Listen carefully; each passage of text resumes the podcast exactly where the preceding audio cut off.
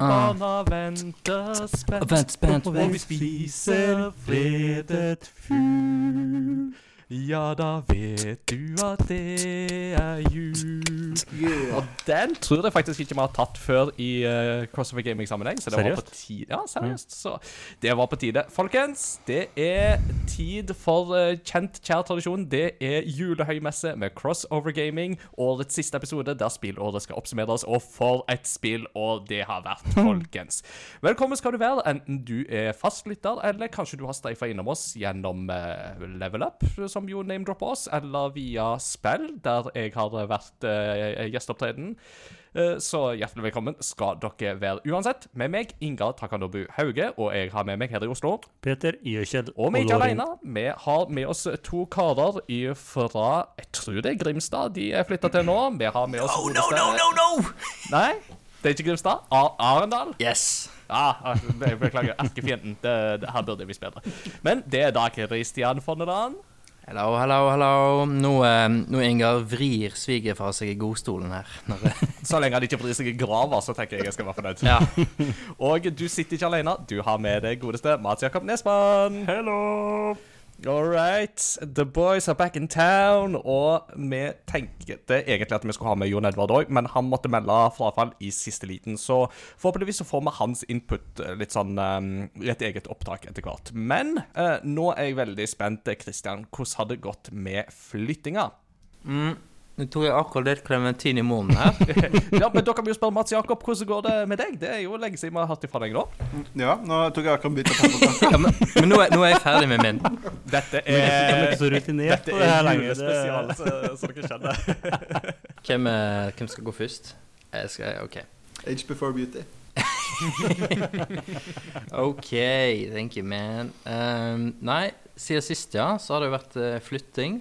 Og uh, det tar jo eh, mer tid enn en uh, tror. Så jeg har liksom tenkt uh, ah, nå skal jeg snart få kommet meg ordentlig i gang med Zelda Tears of the Kingdom. Men, eh, men det er masse som skal males, og masse som skal fikses. Og men jeg har i hvert fall fått eh, begynt å utforme eh, den store patchen, den store expansion packen til sagbruket. Sagbruket 2.0 uh! er vel eh, tre-fire ganger størrelsen, og har òg fått, fått i seg eh, en av dine gamle retroting. Uh, ja, jeg bøy på innflytningsgaven en uh, Bang Olufsen TV til Christian, som ikke jeg har plass til lenger. Så da Mhm. Nice.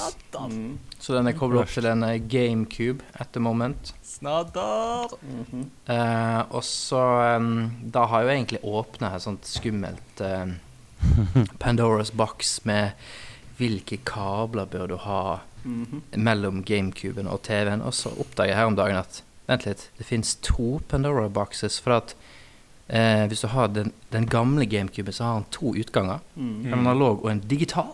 What? Stemmer det. Så var jeg på nettet og sjekka ok, men hva, hva er best å koble en digital til. Ja, den kabelen der. Ja, ok, da må du ha den TV-en. Men hva koster kabelen? Ja, 2000 kroner. Ok. Mm. Ok, jeg skjønner greia. Men før de begynte å produsere de second hand, så var jo den eneste måten å få tak i de kablene på, var å kjøpe de originale japanske. Ja, stemmer. De koster jo en formue, de òg. Ja. Det, har liksom aldri vært et billig alternativ. nei. Nei, det Velkommen til gamle spill. Hvem sa at eh, gammelt er billig? Det sa iallfall ikke retrogamerne. Nei.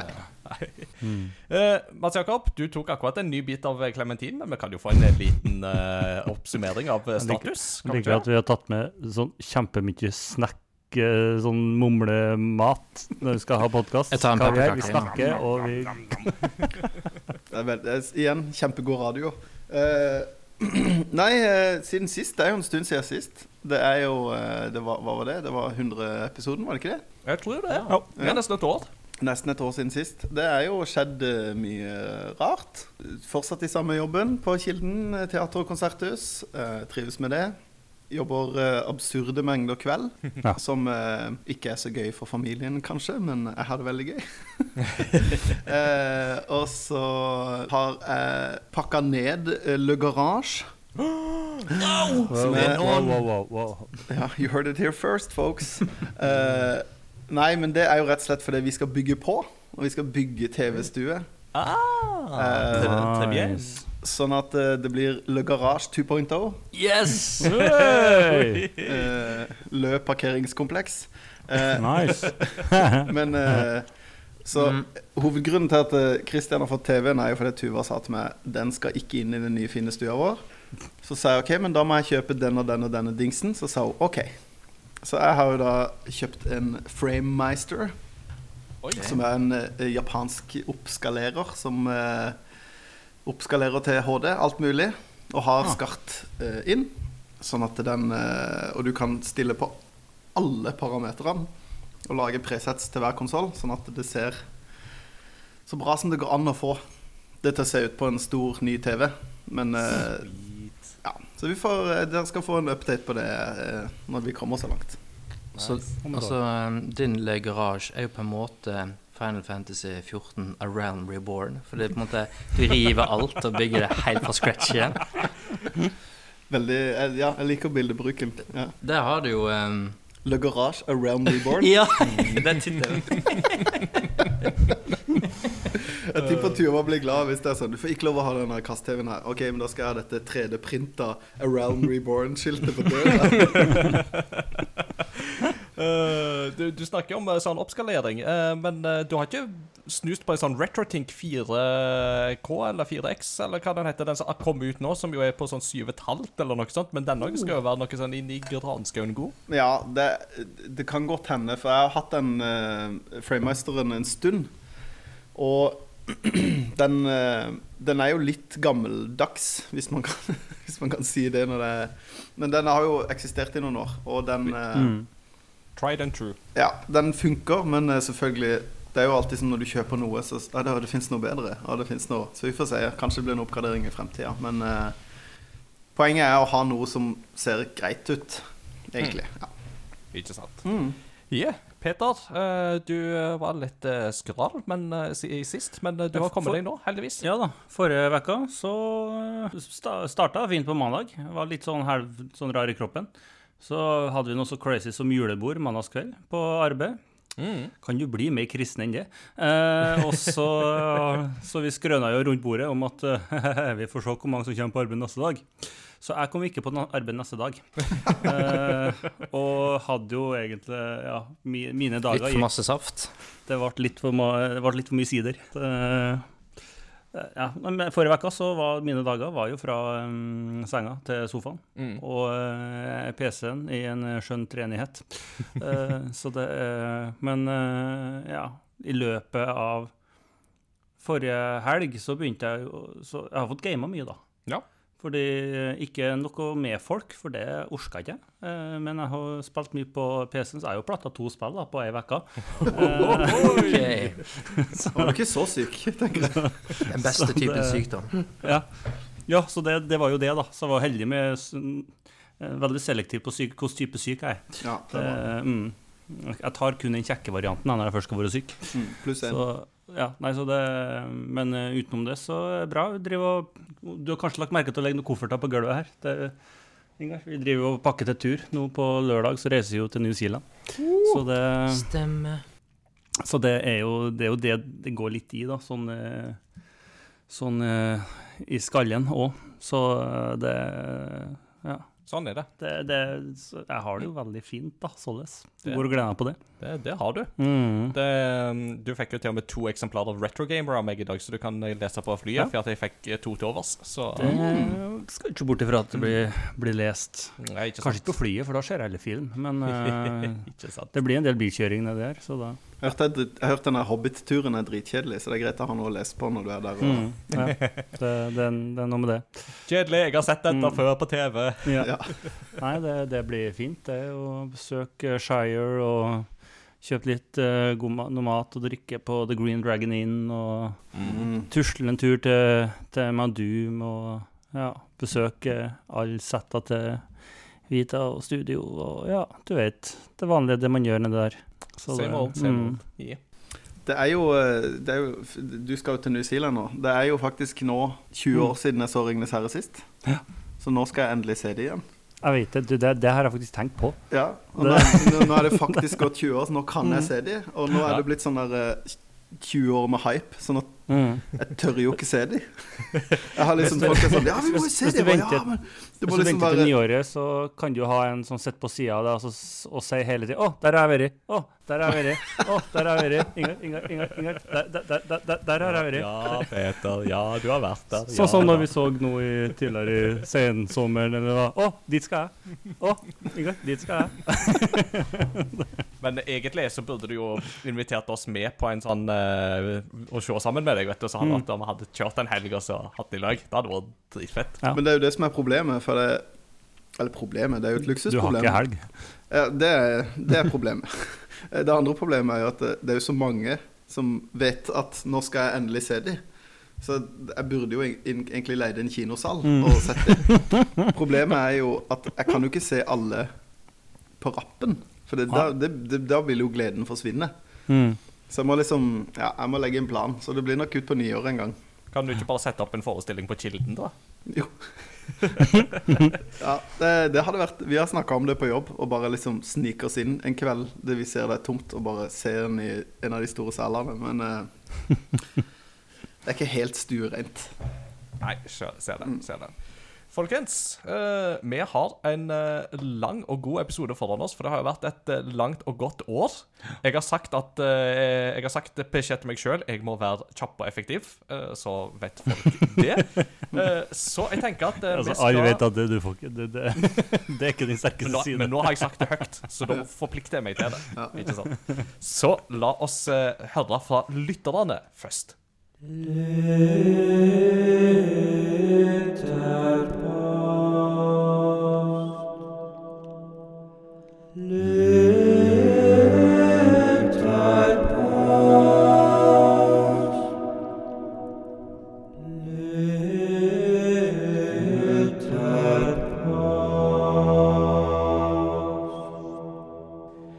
skal selvsagt høre hva lytterne syns om spillåret som har gått. Så vi har spurt de hva er ditt favorittspill fra 2023? Eller hva er årets spill 2023? er jo det vi har spurt de. Og på Discord så har de svart i uh, rike monn.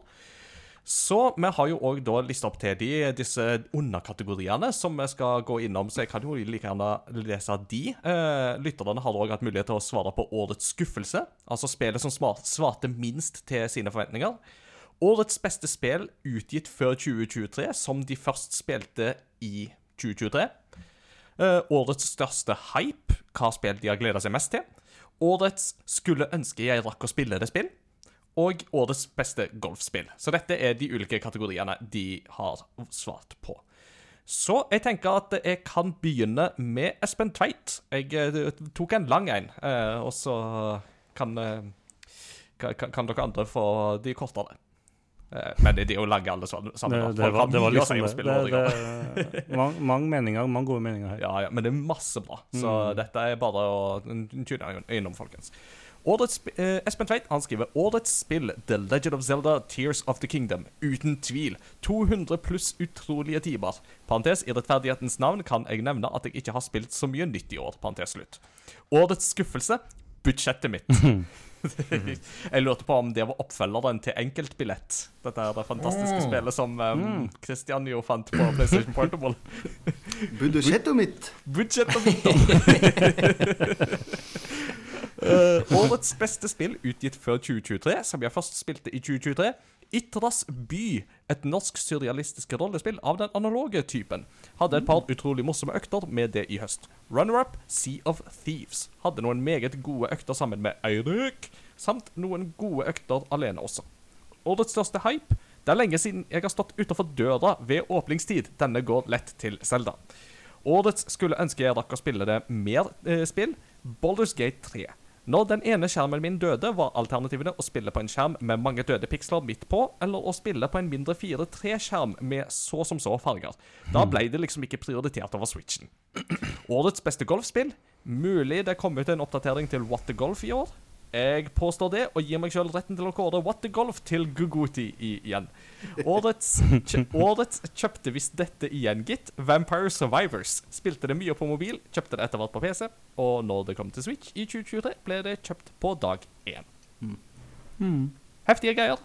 Ja. Hvem er neste ut? Jeg kan ta Goldspark, det er jo, da følger vi lista her. Goti. Shadow Gambit The Cursed Crew. Kronen på Mimims taktiske snikespillserie før de slapp gårsdagens DLC som et endelig farvel. Årets skuffelse The Lampires League. Lamplighters League. Det hørtes rart ut, det har vi eh, oppdaget, og fikk troen på det like før det kom ut, men det leverte dessverre ikke. Årets, overras årets overraskelse Jagged Alliance 3. En opptyr blant de taktiske spillene. Årets beste spill utgitt før 2023, som jeg først spilte i 2023. Uh, The Legend of Zelda Links Awakening Remaster. Uh, honorable mention her Yes, Your Grace. Det er et fint navn på et spill. Årets største hype 2023, det er da Sea of Stars. Dessverre ikke helt min sjanger. Årets rareste spill, Dredge Lovecraftian fiskespill. Mm. Ja. Årets skulle ønske jeg rakk å spille det. Spill eh, Tears of the Kingdom. Har jo hatt tida, men kanskje ikke helt motivasjon. Eh, den er det jo bare å finne fram. Eh, årets spill som ikke kom ut, Hades 2. Der har vi jo noe å se fram til til neste år. Mm. Jeg syns alltid så artig med Godspark sine, for han ramser alltid opp så sykt mange spill som jeg aldri har hørt om. Ja, det, det, det er kjekt. Ja. Vi har variert, litt variert lyttere med en god bredde i spillsmak, og det er veldig gøy. Oh, det er så sykt nice med skikkelige nerder. Mm. Og der sitter vi over til Arendal, og hva kan dere melde om årets spill? Nikolai. Oh, den er hard. Mange gode spill i år. Årets spill for meg står mellom Starfield og Jedi Survivor. Men jeg ender opp med en fotofinish til Jedi Survivor. Årets spill utgitt før 2023, spilt i år, To the Moon, uten tvil. Er det et bitcoin-spill? Ikke som de sier i bitcoin. To the moon. Uh, årets største hype. Igjen står det mellom Starfield og Jedi Survivor, med en foto-finish for Jedi Survivor. Årets skulle ønske jeg rakk å spille det, skjønt det har mer å gjøre med kan spille det, siden jeg ikke har PS5 og ikke har tenkt å skaffe det. Spiderman 2, Mm. eh, det nye, ikke det fra 2002, altså. Ja, takk. Jeg jeg ble litt usikker på hva han mente der, så takk. Det, det, så Jeg, jeg elsker at det bare har blitt en sånn greie med at folk presiserer det. At det er sånn Når de snakker om Spiderman 2 nå, at det, ja, det er det som kom ut nå, ikke Activision City fra 2002, selv om det også var fryktelig, fryktelig bra. meg to på PlayStation 5. Ja. Da må vi poengtere at det ikke er det fra 2002. Det er jo helt nydelig.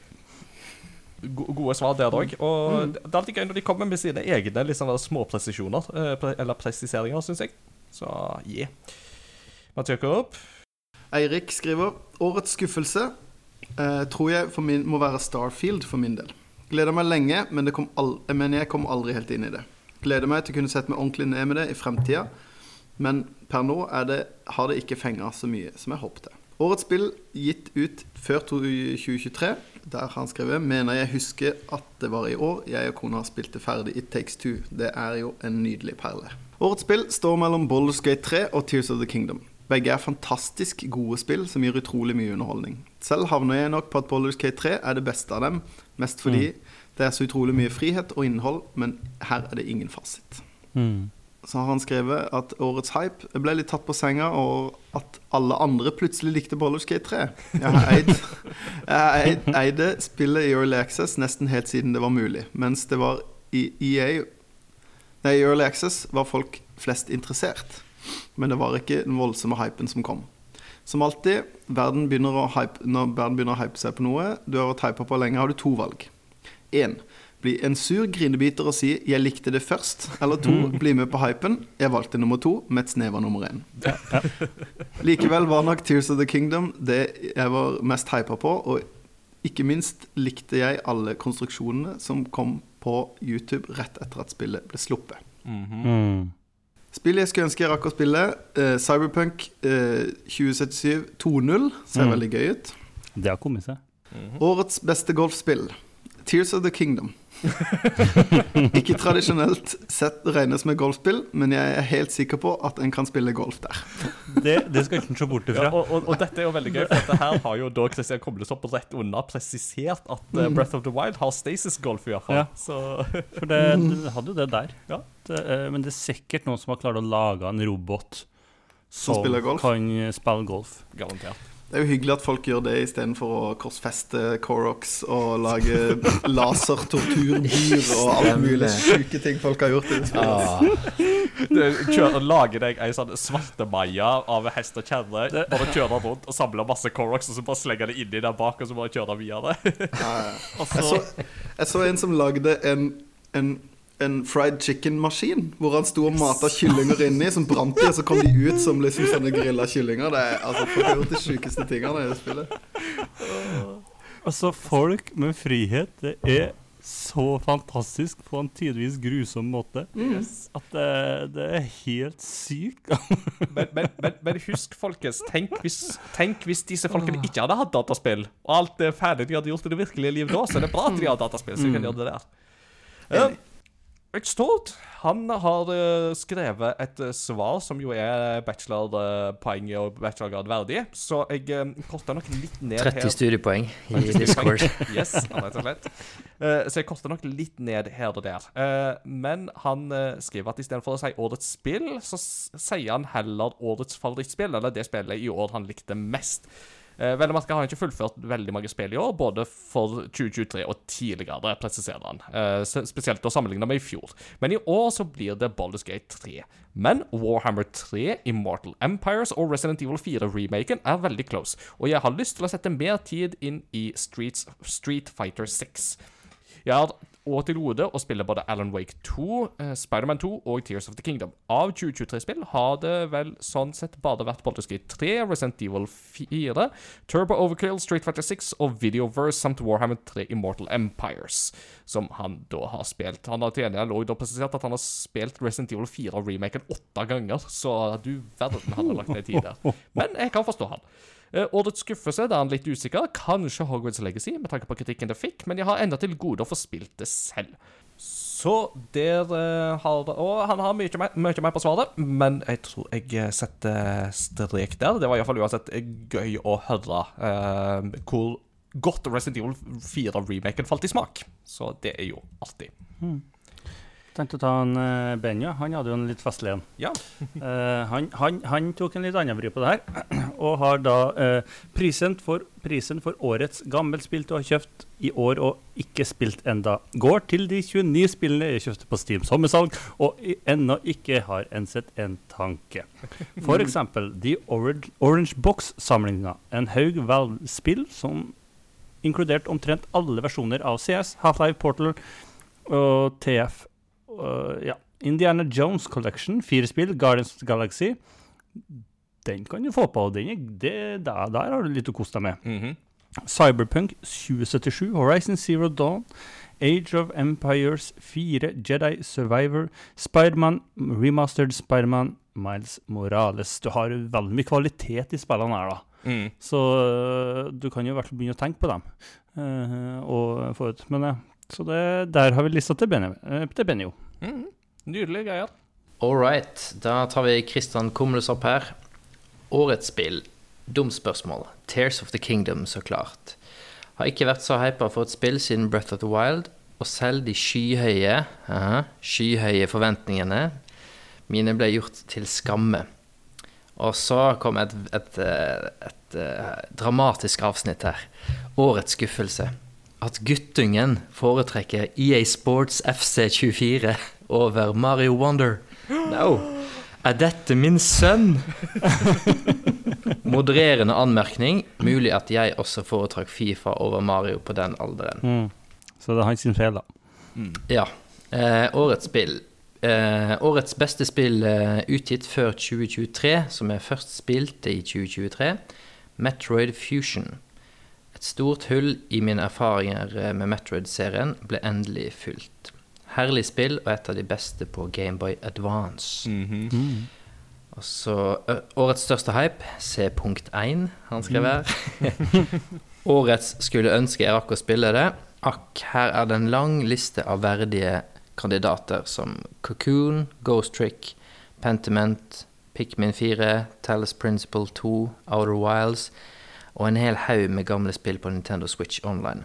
Men denne må nå gå til Advanced Wars 1 og 2, som jeg bare rakk noen få timer med før Tears of the Kingdom kom, som en atombombe og sprengte den øvrige spilletiden min i fillebiter. Driver fortsatt og plukker opp småbitene. Prikk, prikk, prikk. Ja, de kom Nydelig. litt tett på, de, de der, altså. Så ja. Mhm. Enda flere lyttersvar var det der, men eh, jeg tror vi setter en strek der nå. Vi anbefaler folk å joine vår discord eh, gjennom crossovergaming.no. Eh, bli med der, og så les disse svarene. De fortjener en eh, shout-out, alle sammen. Og det er gøy å se at uh, spillåret 2023 engasjerer lytterne like mye som oss.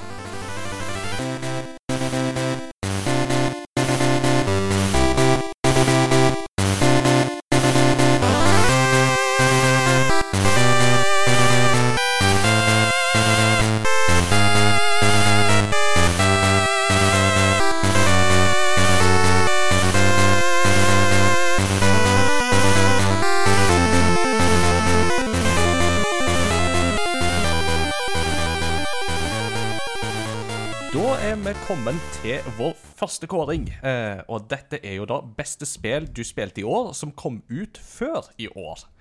Eh, selv om 2023 har vært fullpakka, så har det jo blitt tid til noen retrospill innimellom. Eh, og det eneste kriteriet her er egentlig bare det at det, det spillet må ha vært lansert før 1.1.2023.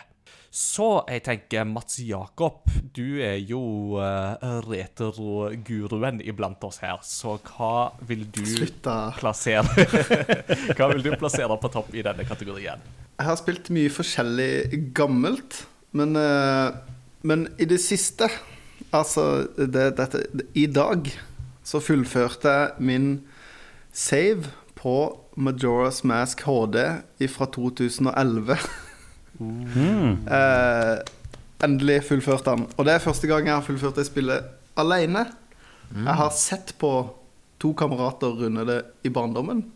Og så for 15 år siden så bestemte jeg meg nå må jeg spille gjennom det spillet. Spilte det på Nintendo 64. Kom til bossen i Stone Tower, som er da den siste bossen eh, før du slåss mot månen. Spoilers. Eh, og så døde batteriet i Nintendo 64-spillet mitt, så saven forsvant. Nei. Og det har vært så bittert. Og så kom egentlig den remaken ganske rett etterpå. Da begynte jeg å spille den, og så har jeg spilt den sånn porsjoner. Jeg har tatt liksom en dungeon, og så har jeg gått litt lei. Og så, bestemte jeg meg for, for noen dager siden at nå må jeg bli ferdig med den. Så da gjorde jeg det, og det er Jeg hadde glemt hele den slutten, så det var egentlig litt stas. Og så har jeg også blitt så gammel at jeg har begynt å sette pris på en walkthrough. Spesielt med spill jeg har spilt før, fordi at da får jeg med meg alt. Jeg får med meg ting som jeg ikke fikk med meg sjøl. Og holdt på å rive meg sjøl i håret når du finner ut at du kan eh, kjøpe en, en, eh, en, en veldig eksklusiv melk som gjør at du får eh, evig magi i tre dager. Så det er sånn eh, Å drive og leite, knuse for å, i bosser for å få magi, og så Ja. Nei, det er et vanvittig bra spill, og som no, jeg leste noen nylig beskrive det som den beste oppfølgeren noensinne. For det er jo på mange måter Ocarina of Time 2. Det, det er jo bygd på akkurat samme motoren. Det kom ut to år omtrent på dagen etter eh, Ocarina of Time. Det er kjapt, altså. Ja, det er helt sykt. Ja, De brukte Oi. bare ett år på utviklinga òg. Altså litt over ett år. Ja, det er helt sykt. Og, og, og så er det Og så har de likevel på en måte tilført masse nytt. Det, er ikke, det var ikke sånn ah, det, det er egentlig bare DLC til Ocarina of Time. Det er et helt eget spill, men så er det en litt sånn what if-oppfølger. Hva om man feila hele den der eh, story arc-greia? Det har vi jo hatt snakka om før. Men nei, det er et kjempebra spill, og det er en utrolig bra remake på, på, på 3DS. Og tilfører uh, Har fiksa på noen sånn skikkelig quality of life-ting, da. Ja, for, ja, for jeg stussa liksom litt på når du kalte det en HD-utgave, men da er det 3DS-utgaven som uh, Ja, ja. selvfølgelig. Jeg har spilt det på 3DS, ja. Riktig. Ja, Eh, for og det, det er den jo- er veldig god. Og det er så mye lettere å spille det. Det er liksom Bare det at du får en I originalen så må du gå til en sånn eh, eh, fugleskremsel for å på en måte enten gå frem i tid, eller å gjøre at tida går saktere, sånn at du har tid til å gjøre ting. Men i 3DS-versjonen så får du en melodi som gjør at du kan gjøre det.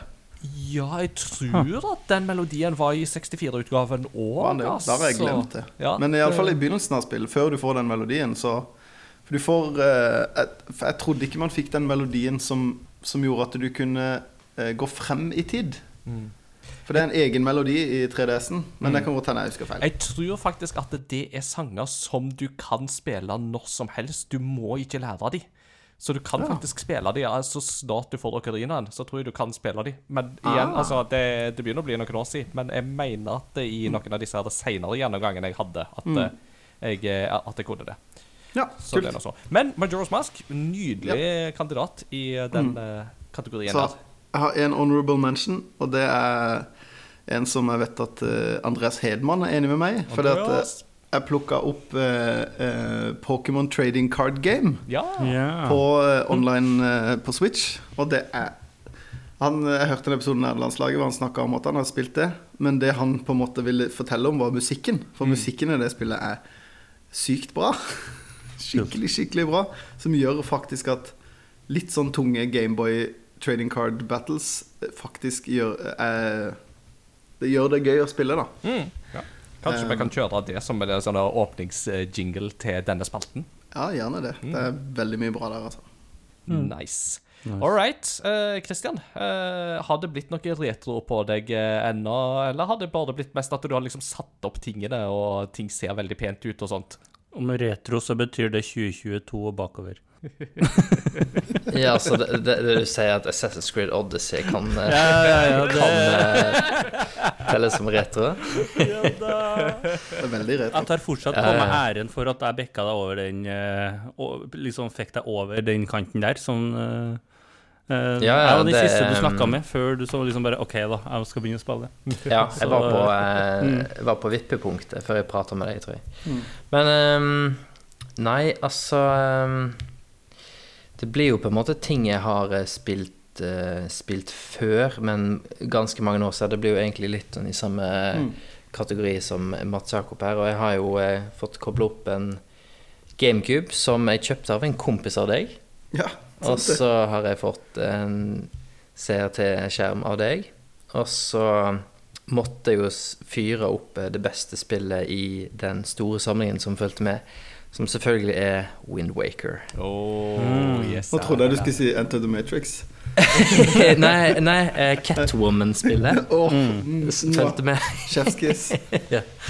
Nei, um, Wind Waker er jo uh, Det er fortsatt um, Hva skal en si? Det, for, det, det har jo noen ting som når du har spilt Breath of the Wild og Tears of the Kingdom er litt clunky, og kamera er ikke nødvendigvis din beste venn, og du må sikte på ting som du For å komme deg videre, så må du sikte på et eller annet som ikke du ser at fins der engang, og ja, det er en del sånne quirky stuff, men det er fortsatt så sinnssykt vakkert, og musikken er dødsbra, og det er så vanvittig sjarmerende at sånne småting blir liksom ikke ordentlig irritasjon, da, for at du blir bare sjarmert i senk av alt annet i spillet. Mm. Um, så eh, nei, det er um, fortsatt uh, topp tre Zelda-spill, altså. Helt klart. Og uh, ja. Mm. Jeg tror jeg skal holde meg kort. Mhm. Vi lagde jo episode om det i år. Eh, vi fikk jo besøk av Espen Grun Grundetjern. Han har jo vært Ja. og snakka både i en standardepisode, men òg to eh, sideepisoder. Og en av dem var jo om Wind Waker, for det hadde han så grådig lyst til å snakke om. Så det kan jo folk sjekke ut hvis de vil ha mer eh, om det. Eh, Petter, hva vil eh, du slenge inn i denne kategorien? Um, det, det beste spillet jeg har spilt i år, som kom ut før 2023, er nok A Plague Tale uh, Requiem. Ja. Uh, er det. Um, jeg er fortsatt ikke helt uh, ferdig med det. Er sånn spill som jeg tar opp litt nå og da. Hver gang jeg tar opp det, så er det som å bare bli dratt rett tilbake. Og den storyen og den verden er utrolig, utrolig bra. Å ha det på fransk er kjempekjekt, og Mm. blir veldig ekte, veldig ja, eh, virkelighetsnært. Det, det funker utrolig godt. De er så gode stemmeskuespillerne, og Eh, det, det et med den syke, absurde opplevelsen når de 300 000 rottene kommer fykende inn på skjermen din, eh, som bare er helt eh, bananas. Eh. Så det, det, er nok det beste spillet jeg har spilt. Eh. Så vil jeg ta, og, ta inn en som jeg har hatt det skikkelig artig med de gangene jeg har vært på LAN med Benjo, og det er Crab Champions. Ja. Uh, det er jo et spill som er utvikla av samme fyren som har ordna uh, Crab Rave, den sangen. Mm. Ironisk nok, jeg tror ikke den sangen er i det spillet. Anyway, men du, altså, du styrer da en krabbe med heftig movement og um, absurde våpen. Og så er det øy for øy, da, hvor du skal overleve. Mm. Mye, du, du sprenger mye rundt, du hopper mye, og det er skamkjekk stemning. Eh, plutselig så har det gått fire timer, liksom. Hm. Så hm. det mm. Artig, Så det er nok min eh, honorable menzione. Honorable uh, menzione. Uh, oui, oui. Mm. Ja. Jo, uh, jeg gikk gjennom lista i dag over spill som jeg har spilt i år. Uh, og da, jeg har tenkt at jeg har ikke spilt så mange gamle spill i år.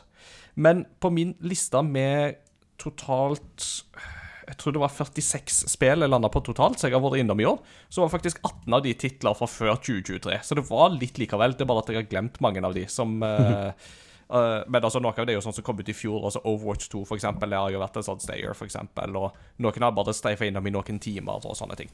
Mm. Uh, jeg, jeg, nevnte det litt sånn innledningsvis, men jeg var jo nå forrige uke så var jeg med på Spill sin uh, Game of the Year-kåring. Og de òg har en sånn kategori som dette her, der um, de har litt strengere krav, da, for der må spillet være utgitt før 2007. så mm. de, de, hadde faktisk veldig strenge kriterier på det. Eh, og da nevnte jeg det at uh, Earthbound var jo egentlig noe vi begynte på i Retrospellauget i fjor vinter, men vi spilte det liksom inn i 2023 òg, så jeg kan på en måte telle det med. Uh, så det er nok på en måte det egentlige sånn game, altså av beste. For det er så herlig rart, det spillet, og det gjør sånn skikkelig inntrykk på deg. Og så er det jo så mørkt til tider. Altså, mm. Snakker om at Majora's Mask er mørkt, men altså Uh, Earthbound òg altså, er jo fryktelig dark til tider, altså. Det er mm. holy moly. uh, men um, hvis jeg skal liksom ta et spill som jeg ikke rørte før i år, så tror jeg jeg må si Clone Hero. Altså den open source uh, PC-versjonen av Guitar Hero. Som mm. jo din stipendiat Samuel hadde mm. på um, LAN her på Fjellhaug. Uh, og jeg satt jo på det landet, og jeg spilte jo det kjempemasse. Og jeg, plutselig så var jeg tilbake igjen i studietida for ti år siden med liksom alle disse Metallica-låtene og uh, The Boys Are Back in Town og for si, selvsagt Through the Fire and the Flames. Så yeah. Mm, for å si det sånn, vi slapp å spille så mye med Ingar Vida den helga der. Det, han satt nå borte her. Men det, det, er artig, da. Fytti. Ja, det er kjempegøy. Så Og noen må jo liksom bygge opp stemninga med det gode gitarspillinga, ikke sant? Så, mm, mm. så Clone Hero er liksom min sånn honorable mention der. Uh, men egentlig så vil jeg nok si uh, at Earthbound Men jeg tror jeg sa Earthbound i fjor òg, så det er derfor jeg må nok gå for Clone Hero. Mm. Du har ikke låta som jeg ha to år på rad, nei? Nei. Ikke lov. det, det, er vi som setter reglene, og vi sier ikke lov. Mm. Tydeligvis.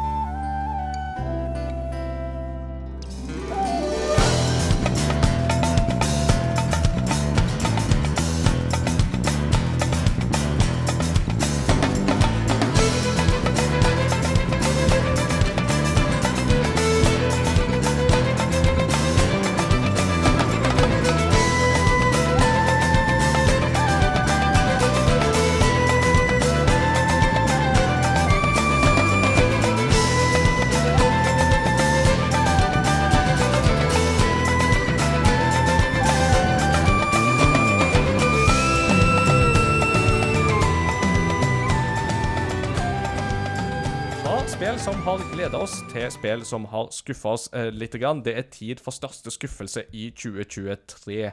Og da lurer jeg på om jeg bare skal begynne. Um, I um, i spillepisoden så snakket jeg masse om Final Fantasy 16, og at det har skuffa meg litt. Grann.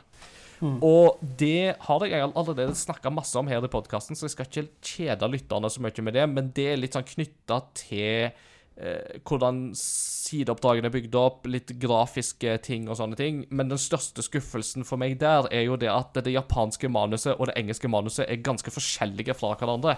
Så hva inntrykk du får av rollefigurer og sånt, er jo veldig betinga av hva språk du snakker. Men det er et Ingard-problem. Ja, det er liksom det, jeg, jeg, jeg, jeg, det, det, Jeg vil nok ikke ha samme problem, antar jeg. Nei. Eh, altså, dette vil jo ikke gjelde 99,9% av befolkninga, ikke sant. Så dette er på en måte mer på et prinsipielt plan. Så tenker jeg at en oversettelse bør Mm.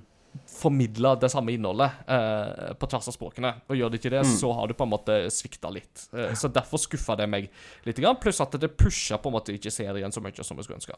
Men så kom jeg på, etter at vi hadde spilt inn den eh, spillepisoden, at Overwatch 2 har vært gjennom en liten reise i år, og det gjelder jo da særlig PVE-delen, som jo var dette store trekkplasteret for det spillet. Det var jo hele grunnen til at de fikk alle over på Overwatch 2, altså for at Overwatch 1 ble lagt ned til fordel for Overwatch 2, og det skulle jo komme en stor PVE-del med masse historieinnhold og den slags type ting. Og så skrota de jo den delen, eh, i alle fall sånn som eh, det var planlagt. De sa at eh, dette har vi prøvd å få til, og det gikk ikke. Og dette var jo ting de egentlig visste før Overwatch 2 ble lansert. Så du kan si at det svarte ikke helt til innholdet. I stedet så har du jo fått Du har fått tre historieoppdrag per nå, som er låst bak en betalingsmur på 15 dollar eller 15 euro eller så. De er gøye nok, men de er ikke den der Det er ikke i nærheten av det som ble lova, det som de på en måte teasa at vi skulle få, og sammenligna med en del av de PVE-tingene vi fikk i Overwatch 1, så er det ikke noe nytt her til å på en måte rettferdiggjøre det, det vi har landa på. Så Men jeg er fortsatt kjempeglad i Overwatch. Mot alle odds så spiller jeg det fortsatt med jevne mellomrom. Jeg har det gøy når jeg spiller det. Eh, Det er fortsatt et spilte jo på landet. ja, vi spilte jo det på LAN. Det var jo kjempekjekt å ha deg med igjen, Peter. Det var veldig artig. Ja. Og jeg skulle veldig gjerne ønske at eh, Jeg skulle bare ønske at det spillet ble det det var lova, da. For det, det virka så spennende. Så det er nok min største skuffelse i 2023. Peter? Jeg er ganske selektiv på spill. Uh, så det um, Stort sett så spiller jeg egentlig spill som jeg, jeg vet jeg er ganske sikker på at jeg kommer til å like. Um, så min største skuffelse i år er ikke nødvendigvis uh, spill et, et, Det er ikke et spill, men det er skrevet to ting. ene er prioriteringa når eh, det kommer til å spille med venner. Og da kanskje først og fremst det siste halvåret Baldur's Gate. Mm. Um, som jeg spiller med hovedsakelig med Benjo. Uh, han har sagt at jeg kan få lov til å spille sjøl, og det vet jeg jo, men det er jo veldig kjekt å spille i lag. Um, også uh, LOL og Overwatch 2, for så vidt. Uh, så det er en ting som jeg har kjent litt på uh, siste året, at åh, det skulle jeg gjerne fått til mer av. Ja, så det at du vil ha mer av det, det er ikke det at du har spilt med venner som er problemet. Nei, det, det var Årets skuffelse, det, jeg friends. altså. Det, det, var ikke det jeg mente i det hele tatt. Vi, vi, vi sier det du sa. You know who you are. Ja, nei, det, jeg skulle gjerne spilt mer. Um, og, men det som kanskje har vært Det plaga meg mest, da, det har jeg snakka om før, det er jo noen bugs som har ja, som har hindra min platinum-hunting. Eh, det har jo ordna seg nå, faktisk, for så vidt. Eh, men det, jeg har jo hatt noen runder hvor jeg har liksom sittet og gravd meg ned til naboen mest da, fordi, av irritasjon. Fordi jeg har, jeg har ikke fått lov til å få platinum. Men eh, det har ordna seg. Jeg fikk jo platinum i dag senest. I, I Ratchet and Clank. Ja. Så det um, Så da er jo eh, Ja. Så det, det, det ordner seg jo. Men det tok jo, et det tok jo et halvt år, da, et halvår, før jeg fikk, eh, fikk det på et par dem. Og det, og det forklarer hvorfor naboen din har gått rundt og sunget 'Vi har en Peter i taket, Peter Ling, Peter Lang', fordi du har gravd deg ned Ja, i det er ikke så vidt Nei, jeg var, var mest ikke i taket lenger. Mm. Så, ja, nei, så det er kanskje det, det, det, er det som jeg har den største issuen eh, for min del, da. Ja. Som, jeg kan, eh, når jeg, som jeg kunne komme på når jeg satt og grubla på den lista her. Mm. Men, men det er jo ikke så dumt, da, tenker jeg. Det syns jeg er jo en grei, grei ting å lande på. Ja. Kristian, nå går vi motsatt ende av det vi gikk i stad, så da kan vi jo ta deg. Ja, eh, min eh, største skuffelse i 2023, det gjør eh, vondt langt inn i hjerteroten, for at jeg bare røper det nå med en gang. Det er òg mitt svar på største hype 2023. Oi. Og det er Diablo 4. Ja. Så eh, Diablo-serien eh, ifra Diablo 2 har vært en stor del av min eh, barndom. Sammen med søskenbarnet mitt Helge. Vi gama Di- Diablo 2 masse, masse på PC. Så kom Lord, of Destruction, og vi lærte oss å lane med, med altså TCP, IP, altså eh, kabel. Eh, for første gang vi måtte hacke oss fram til det. og storkoste oss. Så kunne liksom game ei hel helg nesten uten å sove. Og bare, det var livet. Og så kom Diablo 3. Det var veldig gøy, men ble enda bedre når eh, expansion pack eh, kom. Redda det spillet der. Så skulle Diablo 4 komme, og har kanskje Diablo 4 har kanskje en av de aller beste sånne første trailerne ever. Den der introsekvensen her er Lilith-traileren. ja, fyll i grisen, så bra. Og da blir du jo hypa, ikke sant? Jo, jo. Du må skyte inn, Ingar. Nei, jeg bare lurte på altså, Når dere da satt på LAN og skulle lære dere å koble opp og sånt, Det var derfor det kaltes Lords of Destruction, ikke sant? Fordi at dere bare ødela alt av hardware. Det, det, hører med til historien at uh, far til Helge kom og uh, sa at uh, nå var det noen virus på maskinen som vi hadde klart å vi Skulle sikkert right. søke hvordan vi skulle finne ut av det her. Ja. Men uansett, da, så fyrer du opp Diablo 4, og så er introsekvensen som du har fått testa i beta tidligere, er, den er òg veldig bra. Og med en gang du kommer forbi den introsekvensen, så rakner sakte, men sikkert alt som heter story. Og i et spill som det her, hvor du bygger karakter Du går opp i level, får bedre utstyr, bedre spells, abilities, bygger karakteren din, så har de valgt å scale hele verden. Så du føler aldri at du er blitt sterkere. For den samme lille grisen som du eh, tok i level 1, sliter du med i level 50, på en måte. Så ehm, eh, ja, det var liksom storymessig og uh, gameplay-messig, og så, til slutt så ble jeg liksom sagt en del uh, på nettet ah, du må komme deg til det nivået her i spillet, som betyr rund hele spillet. Kom deg i level 60-70, et eller annet som tar kanskje 50-60 timer. Og så blir det gøy. Så blir det veldig gøy. Og jeg bare Nei, sorry, altså. Det her, det her går ikke. Så nei, skuffa av Diablo 4. Så har det jo kommet noen sånne seasons-greier i ettertid som har fått ganske slakt, så da Jeg, har- jeg har skjønt det at eh, Diablo 4 har vært veldig variabelt mottatt. At eh, det er litt sånn at det enten så er det litt sånn Blizzard er alltid tilgitt nesten nivå, eller så er det faktisk sånn Dette er ikke i nærheten av det vi har håpa og venta på i så mange år. Og det er jo synd å høre at du er mer i sistnevnte, sistnevnte kategori. For jeg hadde unna dere et godt Diablo 4. Det hadde jeg virkelig. Jeg koser meg med den traileren, jeg. Ja. Ja. Det- Trailer vil vi alltid ha.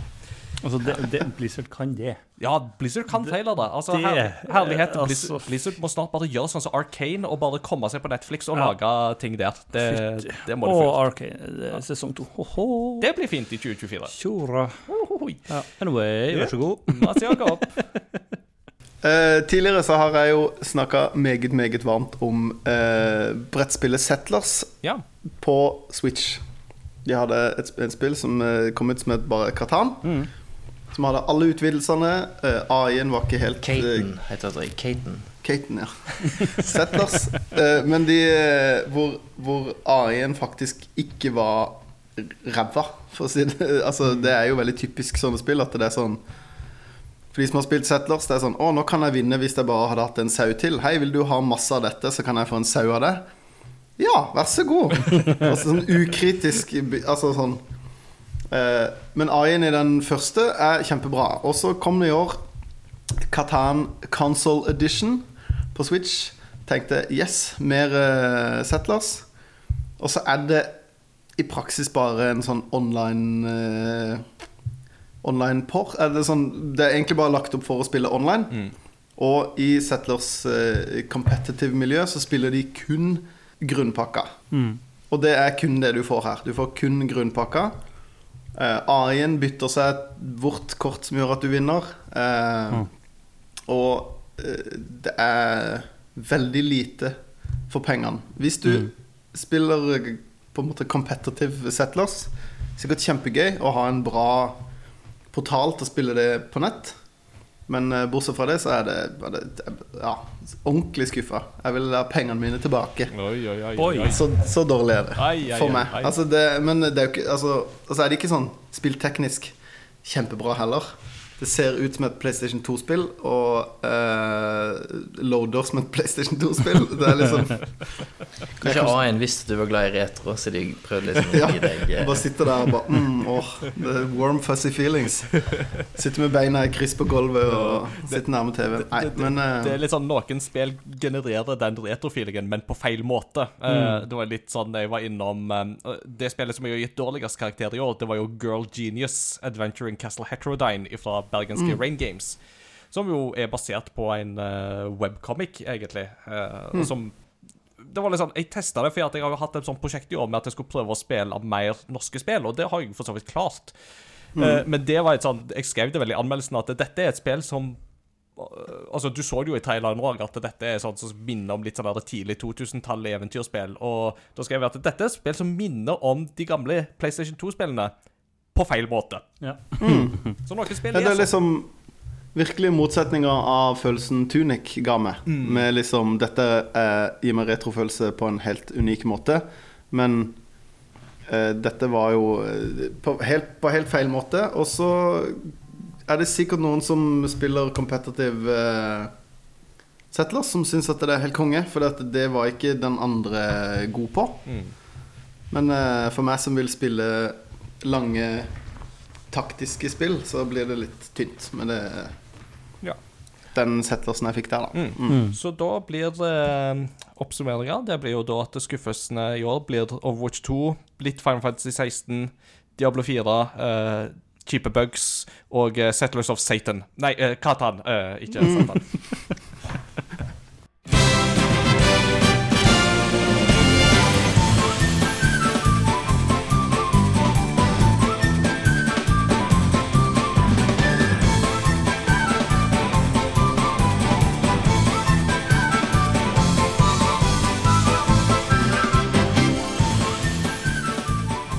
Er til største hype. Denne kategorien er jo da det spillet som vi gleder oss mest til å spille i 2023. Og det vi skal gjøre her, er jo da å ta et lite tilbakeblikk på å se om det spillet faktisk levde opp til forventningene eller ikke.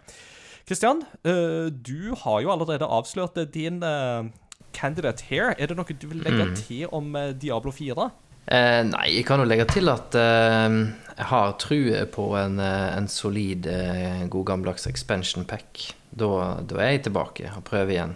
Men, eh, men ja, my heart is broken at the moment. Det, det gikk jo med Diablo 3, så var det jo den utvidelsen som jo Altså Reaper of Souls var jo det som redda det spillet på mange måter. Ja. Og det kan jo skje igjen. Det er jo sånn nå til dags at et spill er jo ikke ferdig selv om det er gitt ut. Det kan jo fort bli bygga på via det. Eh, apropos No Man's Sky, for eksempel òg. Så Cyberpunk Cyberpunk, ikke minst. har kommet seg noe helt vanvittig. Mhm. Så, Så- yeah. Det er håp. It's hope in the hanging snore. It's hope in the hanging snore. Helt indeed, uh, Nils Arne Eggen. And on that note, uh, will you take it uh, further, uh, Peter Gjørsel? Yes, I can. Uh, største hype i år er nok eh, Det er, nok, det er jo Selda, eh, for min del. Eh, samtidig så er jeg jo fascinert over at eh, jeg ikke var mer Altså, Baldur's Gate gikk jo nesten litt sånn forbi meg, at det var et så stort spill som det faktisk var.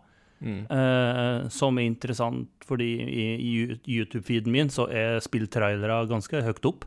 Uh, og for så vidt eh, Starfield og noen andre spillene også, som jeg liksom bare fikk med meg at ja, de, de kommer, men at det var så store spill som det faktisk var. da. Um, og så oppdaga etterpå. Uh, så da er det jo uh, Zelda, Tears of the Kingdom, og du kan legge litt Spiderman inn på den lista, for så vidt. Ja. Spiderman. Eh, for den òg, altså, de har jeg Spiderman-spillene har jeg kost meg med. Mm. Eh, fortsatt et, og det, det er jo fortsatt det spillet hvor eh, altså, Fast travel, hva skal du med det? Eh, ja. Men det Tears of the Kingdom. Ja. Eh, Mats Jakob, uh, tør jeg Mm. eh, anta at Tears of the Kingdom står på din hype-liste òg, eller er det noe annet? Jo, det er, det er jo selvfølgelig øverst. Selda Zelda er jo alltid øverst på lista på det Selda er meste. livet. Mm. Zelda Zelda is love, life. Is life. Men eh, Så det er jo på en måte Ja, det er nummer én. Det var det spillet jeg var mest hypa på. Eh, jeg forhåndsbestilte det. Uh, plate Nei, komplett. Eller jeg husker ikke hva jeg bestilte. Jeg klarte ikke å levere i tide, så jeg gikk på Finn og kjøpte en annen fyr. Så jeg har en uåpna en i skuffa. For Oi. den har jeg jo ikke gidda å salte ennå. Så jeg har to eksemplarer av Tears of the Kingdom. This is got a friend. There are two of them. Så det, ja, det er på en måte vi, vi kommer sikkert til å snakke mer om det spillet seinere. Jeg bare liker Eh, at en fyr som har røkket å få tak i spillet og funnet ut at Nei, forresten, jeg skal selge det på Finn før Komplett får sendt det. Han hadde jo gjort det Han hadde jo gjort det samme hvor han var redd for at han ikke fikk det i tide, så han gikk og kjøpte det i Ah. butikken. Ja, Men han fikk det i tide, det gjorde jo ikke jeg. Har jo mer rutinert enn Eh, deg, da. Ja, det en smule. Men eh, det spillet jeg kanskje var hype, mest hypa på på en helt annen grunn, det var eh, eh, Hogwarts Legacy. Ja. Mm. Fordi jeg hadde et håp. Jeg tenkte hvis jeg skal få kona mi til å spille spill, så er det dette spillet hun skal spille. For hun var ekte, ekte Harry Potter-nerd når hun var barn. Ja. ja. Hos sine beste juleminner er å få en bok til jul, og så forsvinne i romjula. Og bare være for seg sjøl til boka er ferdig, og så komme ut og bare Oi, hva har skjedd? eh, Enig. sånn at eh, hun Jeg tenkte er det ett spill jeg skal få henne til å like, så er det dette. Mm. Eh, og grunnen til at det ikke gikk, var ikke fordi hun ikke likte spillet, men fordi at det, det var for moderne for henne. Altså, hun hadde ingen, hun hadde ingenting i fingrene. Hun måtte se ned på hva er X og hva er A. Og det, Vi hadde det samme problemet. Ja. Akkurat samme problemet. Så det er liksom Jeg har tatt det for gitt, og jeg snakka i podkasten for mange år siden om at, eh, om at jeg, en, en stor dag i mitt liv var jo når eldstesønnen min bare intuitivt skjønte tredjepersons kamera. Mekanikken. Altså Han begynte bare å snu på kamera. Mens eh, kona mi er tydeligvis en gammel hund som ikke kan lære nye triks. For det, det var Altså Hun kom ikke forbi liksom For de som har spilt kamp med spillet, så kommer du ganske tidlig i en sånn her eh, tutorial-kamp, hvor du på en måte du kan dø, men det er, du slåss mot noen spøkelser, og det er for å lære dodging og holde på. Men hun hadde ikke sjans, liksom. Hun klarte ikke å skjønne hvor er det jeg blir truffet fra nå. Det er en rett bak deg, men åssen ser jeg han? Altså Så det var nok eh, den største hypen, og på en måte ja, slenge inn på skuffelsen nå, da. Men, eh, men jeg var sykt hypa på det, og så funka det ikke. Årets største skuffelse, det er kona di. Ja, absolutt. Det er liksom Når femåringen plukker opp kontrollen og forstår det mer enn hun, så er det jo på en måte litt sånn her Jeg skjønte jo at det, det toget her er gått, da. Og så uh, var hun ikke noe interessert i å se på meg spille heller. Fordi at eh, hun ble jo bare irritert over at, Hvorfor går du ikke der? Jeg ville gått der. Det er sånn, ja, men du klarer jo ikke å spille det til spille, så nå går vi her. Så det på en måte Det, det ble ikke noe, da. Men så lånte jeg bort Xboxen min til en kamerat, og, og han, hvor han og kona er veldig Harry Potter-frelst. Mm. Og de satt jo hver kveld og spilte.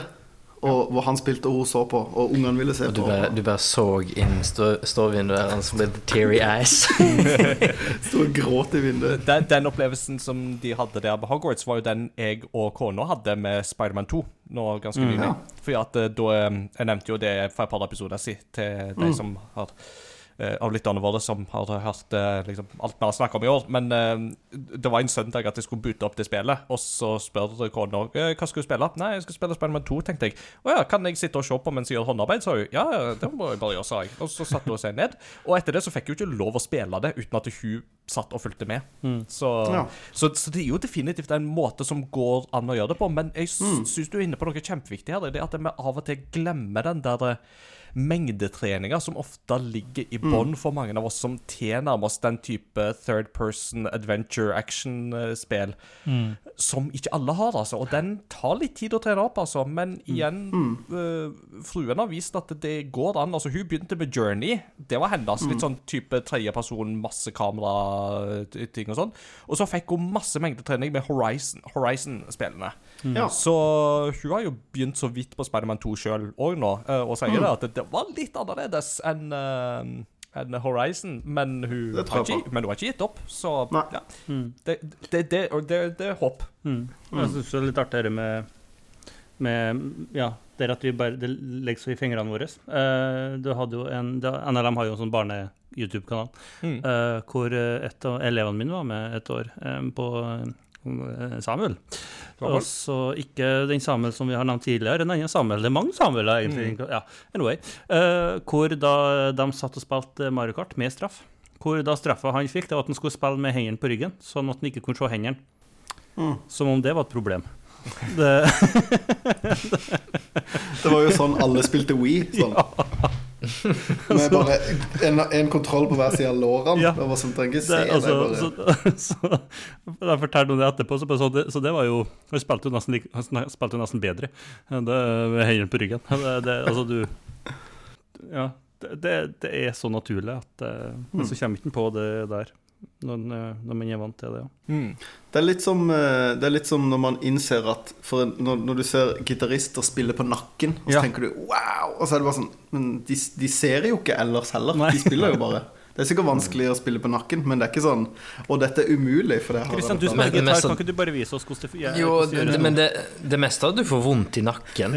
Det er mest av som ikke begynner å bli gammel. det, som er, det er det som er problemet ditt. Ja, Det nakkekink. Mm, Det er derfor du ikke gjør det til vanlig. Ja, stemmer. Vi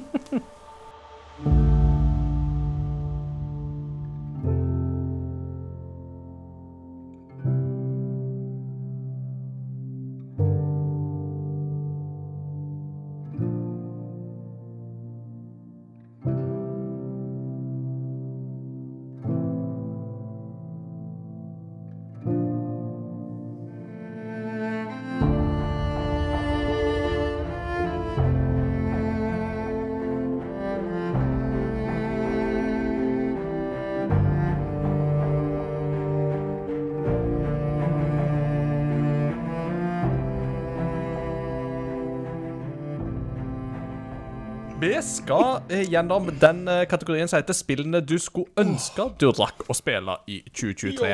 Og denne lista her, den er jo nesten alltid lang som et vondt år, og den blir iallfall ikke kortere av at spillåret 2023 har jo vært så utrolig tettpakka med ene kremtittel etter den andre, og det har jo ikke vært måte på. Så Peter ehm, du har ikke begynt ennå, så har du lyst til å begynne? Eller det, jeg ser du har eh, litt sånn ting oppe, så jeg vet ikke om du driver fortsatt litt re research, eller Jeg oppdaga at der hadde jeg gjort litt lite arbeid. Eh, men nei, jeg har um, fire kandidater som jeg egentlig er ganske fornøyd med. Ja. så det er, men da eh, Ja, og så ser jeg at jeg har todelt det veldig fint. Ja. Så da jeg starter på Nintendo-fronten. Eh, Og da er det Super Mario Wonder. Det har ikke jeg fått spilt ennå. Og det, det er ganske høyt opp på lista over og må få prøvd å spille snart. Um, så det, den skulle jeg, det skulle jeg veldig gjerne få spilt. det kan du låne av meg. Um, 2D Ja, jeg vet. så det er ikke det det står på. Det, um, så det er um, 2D Mario, det har er jeg jo glad i. Um, er. Og så det, det ser jeg fram til. Eh, andre, Kirby, det kom ut i år, eh, gjorde det? Forgotten Land? Nei, det kom det i i fjor. fjor? Det kom Det i fjor, fjor. Men uh, Return to Dreamland Deluxe, som var en remaster av et gammelt Wii-spill av Kirby, det kom i år. Ja, da snakka jeg om det i fjor. Ja. Anyway, fortsatt til å spille. Eh, og så eh, Starfield. Eh, Ja. Kunne jeg veldig gjerne tenkt meg å eh, prøve. Erik var ikke helt tatt. Eh, men jeg er ganske sikker på at det er et spill som jeg kommer til å kose meg veldig med. Um, mm. Også uh, et spill som Det kommer vel ikke ut i år, men jeg har veldig lyst til å spille, Titanfall 2. eh, som, jeg har, som er veldig høyt på lista. Som det, det, og det er et spill som har kommet på noe i siste, at åh, det skulle jeg veldig gjerne ha spilt. En uh, content creator som um, spilte det, og så bare begynte jeg å se litt på eh, på at han spilte storyen eh, fra starten av, og fant ut det, fem minutter at det her kan ikke jeg se på. Det her må jeg få oppleve sjøl. Og så er jo lista egentlig fryktelig fryktelig mye lenger, men uh, nye, uh, uh, det var dem, det er liksom dem, det er dem spill, noen spill som jeg har kjent litt på at åh, det hadde vært kjekt å få til. Men det har ikke jeg fått til. Absolutt. Eh, da tar eh, Jeg tenker vi kan ha Mats Jakob. Du har ikke vært nummer to ennå, så kanskje du har lyst til å dele dine spill du skulle ønske du hadde rocka å spille? Ja. Eh, jeg snakka jo om Hogwarts i stad. Det er jo et spill jeg ikke har eh, rekt å spille av ulike grunner. Eh, Som jeg snakka om i stad. Eh, ellers så er det jo litt sånn jeg, Det er mange spill jeg har lyst til å spille som jeg kanskje heller Kanskje også vet at jeg egentlig ikke kommer til å spille uansett. Eller sånn eh, Jeg har veldig lyst til å spille Baldur's Gate 3, men jeg, jeg har ikke eh, når jeg prøvde Boulder Skate 1 for ikke så lenge siden, nei, når jeg var yngre, så, så, så skjønte jeg det ikke. Men jeg har jo spilt Dungeons and Dragons i ettertid, så nå vet jeg at jeg skjønner mer. Men så er det òg litt den derre å komme inn i universet, og, og, og at det er et tidkrevende spill. Men eh, det er jo et spill jeg selvfølgelig har lyst til å spille. Eh, og så har jeg ikke spilt eh, Pokémon Scarlet Violet. Men det kom vel Mm. egentlig i fjor, gjorde det ikke det? Stemmer. Ja, men det er for meg I mitt hode er det i år. Eh, så, så det er heller ikke spilt spill som jeg, Det er et spill jeg naturlig ville ha spilt, for jeg har jo spilt eh, Spilte jo de andre Sword and Shield spilte jeg jo masse. Det var jo vårt Game of the Year et år, var det ikke det? Uh, så, Sword Shield, ja. Ja, Ja. stemmer. Det var i um, Nå må jeg tenke Jeg tror ikke det var i 2018, for det var vel God of War, men da var det vel 2019, da, tror jeg. Ja, det tipper jeg. Jeg kommer liksom ikke på mer. Sånn, sånn eh, Men eh, ja, jeg har jo eh, en lang liste med spill som jeg har kjøpt, som ikke har spilt, så da har jeg jo en plan om å spille det. Men veldig mye av det er jo ikke nødvendigvis gitt ut i år. For veldig mye jeg kjøper, kjøper jeg på salg, eller Jeg fant nettopp ut nå Jeg sjekka at eh, et, et spill som jeg har på mitt, min Game of the Year-liste, kom ut i 2019. Men det kom på Switch i 2022. Ja. Men jeg hadde ikke hørt om det før i år, og jeg har Ja. spilt det dritmye, så jeg tar det med. Du, tar, du, du, du, Det- legger det er greit. Du, Jeg skal iallfall snakke om det, da. For du bestemmer det, reglene sjøl for topp 10-lista, så det, det skal du få lov til. Jep. Jeg kan jo være nummer tre. Jeg tror ikke jeg har vært nummer tre ennå. Dette er jo min liksom, list of shame. Uh, så jeg har plenty med honorable mentions her, men jeg vil ta fram de to viktigste spillene i den kategorien her. Uh, og det er Starfield og det er Boulderskate Gate 3. Dette er spill som kommer til å Shame, være Ja, ding, dette er shame, ding, ding, ding, shame, ding, ding, ding. Og det er jo liksom så, så, Som, som spillanmelder for Game Reactor så prøv, altså så har jeg jo som policy om at jeg vil prøve å få med meg mest mulig innenfor et bredest mulig spekter. Uh, rett og slett for å være så informert som mulig. rett og slett å ta meg inn. Flink du er. Hæ? Så flink du er. Ja, det, tusen takk. Jeg, jeg, jeg prøver. Du hørte meg så sykt den første gangen. Du ville bare ha skryt to ganger. Det var litt uh, jeg, jeg hører de andre på øreklokkene, men jeg hører jo ikke deg, vet du. Så Nei. da var det det. Uh, men um, akkurat på disse to spillene her så har jeg enten ikke hatt tid, eller tatt meg tid, eller hatt uh, penger i budsjettet akkurat da, eller andre ting som eh, og så har det jo kommet fryktelig mye Altså Begge disse spillene har jo kommet i type august og september, og litt sånt, og det har jo kommet fryktelig mye bra i løpet av den tida der. Så Det er travelt å være nerd. det er det. Eh, og det blir liksom ikke mindre travelt av uh, film og TV og jobb og fritid og sånt. Pluss at jeg kom litt sånn skeivt ut på starten av året med at uh, først så hadde vi jo den Japan-turen, som jo var kjempegøy. Eh, Beklager. men eh, det setter liksom litt sånn eh, sperrer for hvor mye du får spilt i løpet av de tre ukene der. Og så hadde jeg jo et eh, armbrudd, altså jeg hadde jo et brudd i håndleddet, som jo òg satte litt eh, stopper. Kom kombinert med litt tannlegebesøk og litt sånne ting, som bare på en måte tappa meg så mye for krefter. da. Så jeg har jo innsett det at eh, særlig liksom de tre-fire første månedene, så hadde jeg på en måte sleit litt med å komme i gang. Og når jeg, da jeg da først kom i gang, så kom liksom den rundhjulinga med alt sånn helserelaterte ting som ikke var så kjekke. Det gjorde jo det at det, da Baldur's Gate og Starfield og sånt kom ut, da satt jeg med Star Wars Jedi Survivor for eksempel, og spilte det. Så, så, så jeg hadde et lite sånn etterslep å ta igjen. Men øh, Så disse to spillene er jo spill som jeg definitivt har lyst til å bryne meg på i 2024. Baldur's Gate 3 vet jeg at jeg skal bryne meg på, for det har jeg kjøpt. Eh, Starfield håper jeg jo på å få tatt eh, så snart som mulig. Nå, nå har du jekka deg sjøl ned, men hvor mange spill har du spilt i år, tror du? Altså, Jeg tok en telling på dette her. Um, uh, jeg nevnte det kanskje litt tidligere, men jeg kan gjerne gjenta det. Jeg talte tidligere i dag, og da landa jeg vel på 46 uh, ulike titler i løpet av i år. Uh, hvorav 28 er nye lanseringer, enten i form av uh, helt nye spill eller en eh, remake, eller kanskje eventuelt òg en Ja, remaster har jeg ikke talt med i den ka kategorien, men remakes har jeg talt med der. Og det, og det kommer etter at han snakker hvor lite tid han har hatt til game. Ja. sånn. Jeg ville bare få frem det. Jeg trodde du sa det til meg før vi starta. uh, Uh, Syntes å huske på at altså, det, det, du har ikke vært lat. Nei. Eller er det det du er? Ja. Det, det, nei, jeg håper jo Spørs hva som skjer. Jeg håper jo ikke det. Men uh, for å ta resten av den uh, List of Shame veldig kort, uh, så vil jeg da nevne ting som The Talos Principle 2, System Shock-remaken, uh, Bomb Rush Cyberfunk, dette Jet Set Radio-aktige spillet. Um, Anders Lønning har mye bra å si om det, og han har jo intervjua i spill.no. Han har jo òg intervjua en av de norske utviklerne som har vært med på det, så sjekk det ut. Dead Space-remaken hadde jeg hatt fryktelig lyst til å sjekke ut. Um, det har kommet to spill i Yakuza-serien, eller Like a Dragon som den heter nå. Uh, like a Dragon Ishin og The Man Who Erased His Name. Octopath Traveler 2 har jeg heller ikke dere begynt på. Uh, det samme med Metroid Prime Remastered. Uh, Bayonetta Origins, Race and the Lost Demon. Uh, Robocop Rogue City, men det kjøpte jeg i dag. Uh, Så det blir gøy å teste. Armor Core 6, Fires of Rubicon og Lies of P. Det er de spillene jeg vil trekke kort fram som er sånn Dette har jeg ikke rukket å spille. Jeg skulle veldig gjerne sjekke det ut, men det ble dessverre ikke sånn. Og eh, ja, jeg kan nevne Dredge og i den forbindelse. Det Cthulhu- altså Cthulhu-inspirerte fiskespillet som jo ble nevnt i lytterposten.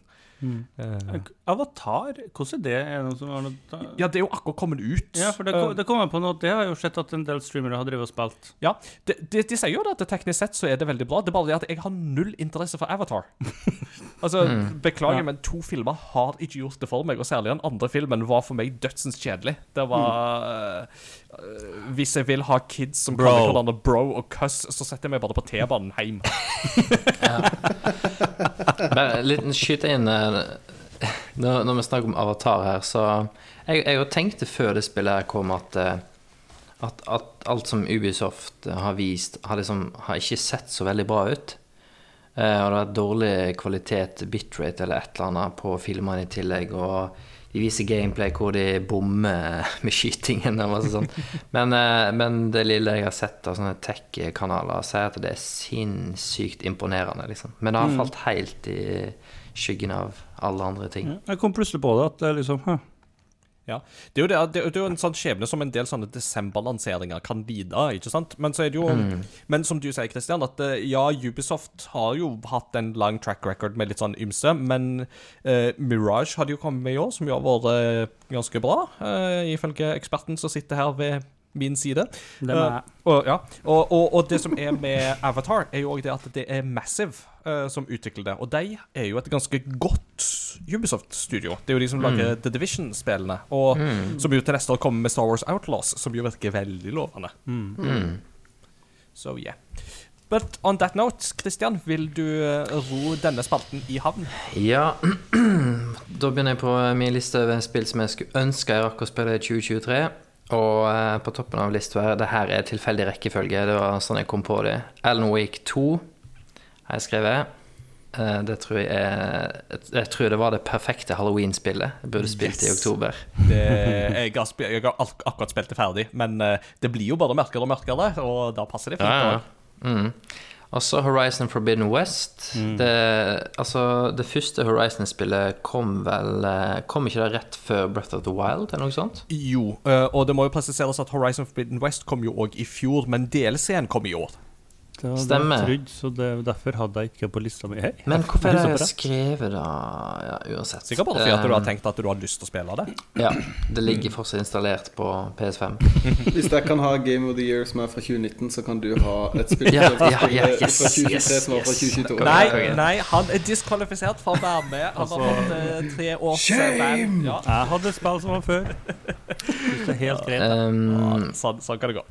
Ja, og så neste på lista her. Jeg har skrevet Zelda Tears of the Kingdom. Jeg har sikkert eh, 20-30 timer i det, på en måte, men jeg føler at jeg ikke har eh, kommet ordentlig i gang. Men, eh, men det spillet er så sinnssykt bra at jeg eh, Ja.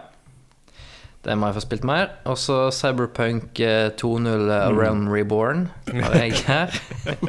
Eh, jeg må bare skyte inn der. eh, Jeg må jo bare le. Det var vel Rad Crew som snakket om at det er en wasted opp missed opportunity at det spillet ikke kom med en patch 2,077. Ja. At de bare gikk rett på 2.1 eh, nå nylig. Og det var sånn Ja, men dere måtte jo hatt eh, patch Ja. 2,077. Ja. Som, som siste patch ever. Um, nei, det spillet har uh, Det er jo et av mine yndlingsstudio, så jeg må jo egentlig bare få fingeren ut og spilt det i juleferien. Og så Super Mario Bros. Wonder. Det har jeg jo testa hos deg, Ingar. Og det var jo eh, Det er jo Ja, det er et spill jeg kunne tatt med kona på, tror jeg. Så det må jeg få, få kjøpt. Det, det er planen her òg. Ja, og så har jeg tatt med Metroid Prime Remastered. Da um, har jeg veldig lyst til å få tid til. Uh, Hogwarts Legacy har som sagt hatt én spillekveld der med kona, og jeg tror jeg, jeg ser litt håp der, da. Jeg, jeg tror det skal gå. Men Og, Men hun, hun har jo sett på det spillet spill før. Ja, ikke så veldig mye. Altså, hun har spilt Journey. Jeg, jeg ga henne et spill hvor liksom OK, men her kan du ikke dø. Men hun, det var likevel en klikkorama-kveld. men uh, OK. Um, Jeg liker at denne episoden her endte opp med å liksom Vi, sn vi, sn vi snakker om alle spillene som konene våre ikke har lyst til å se på at vi spiller.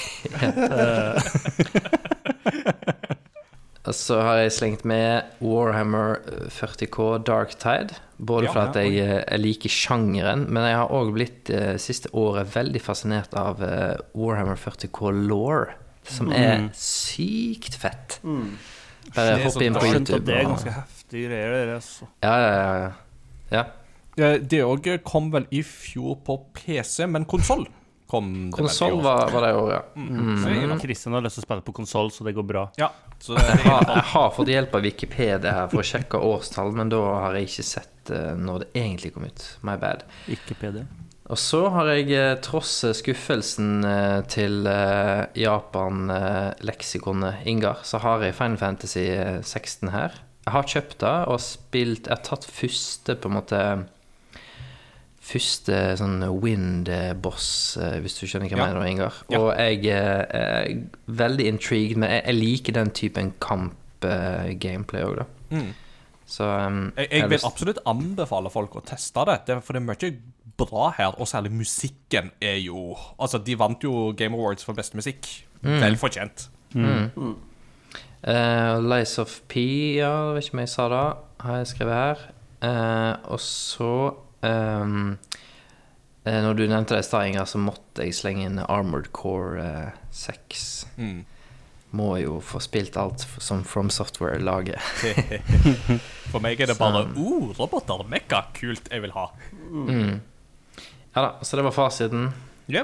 Så der har dere det, folkens. Vi har drukket mye, men det er masse vi ikke har drukket òg, så vi får håpe at 2024 blir et år med fullstendig spilltørke.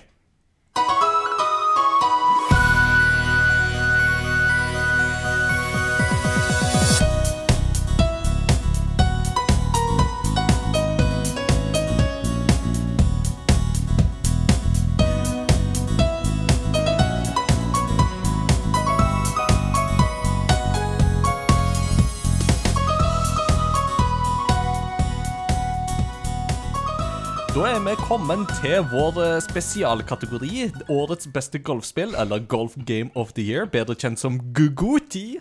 Uh, og- her er jeg jo litt uh, spent, Mats Jakob, for du var ikke så veldig optimist da vi, før vi begynte å trykke record. Mm.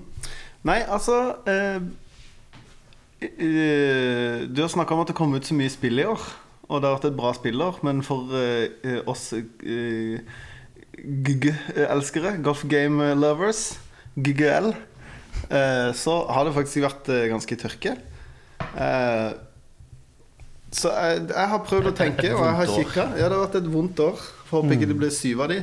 Eh, men men jeg har ikke klart å finne noen nye golfspill. Det kommer jo alltid ut sånn der oh, minigolf, eh, sånn der eh, mobilspill eh, på Switch. Eh, men ikke noe som jeg liksom Jeg har tenkt at var verdt å spille.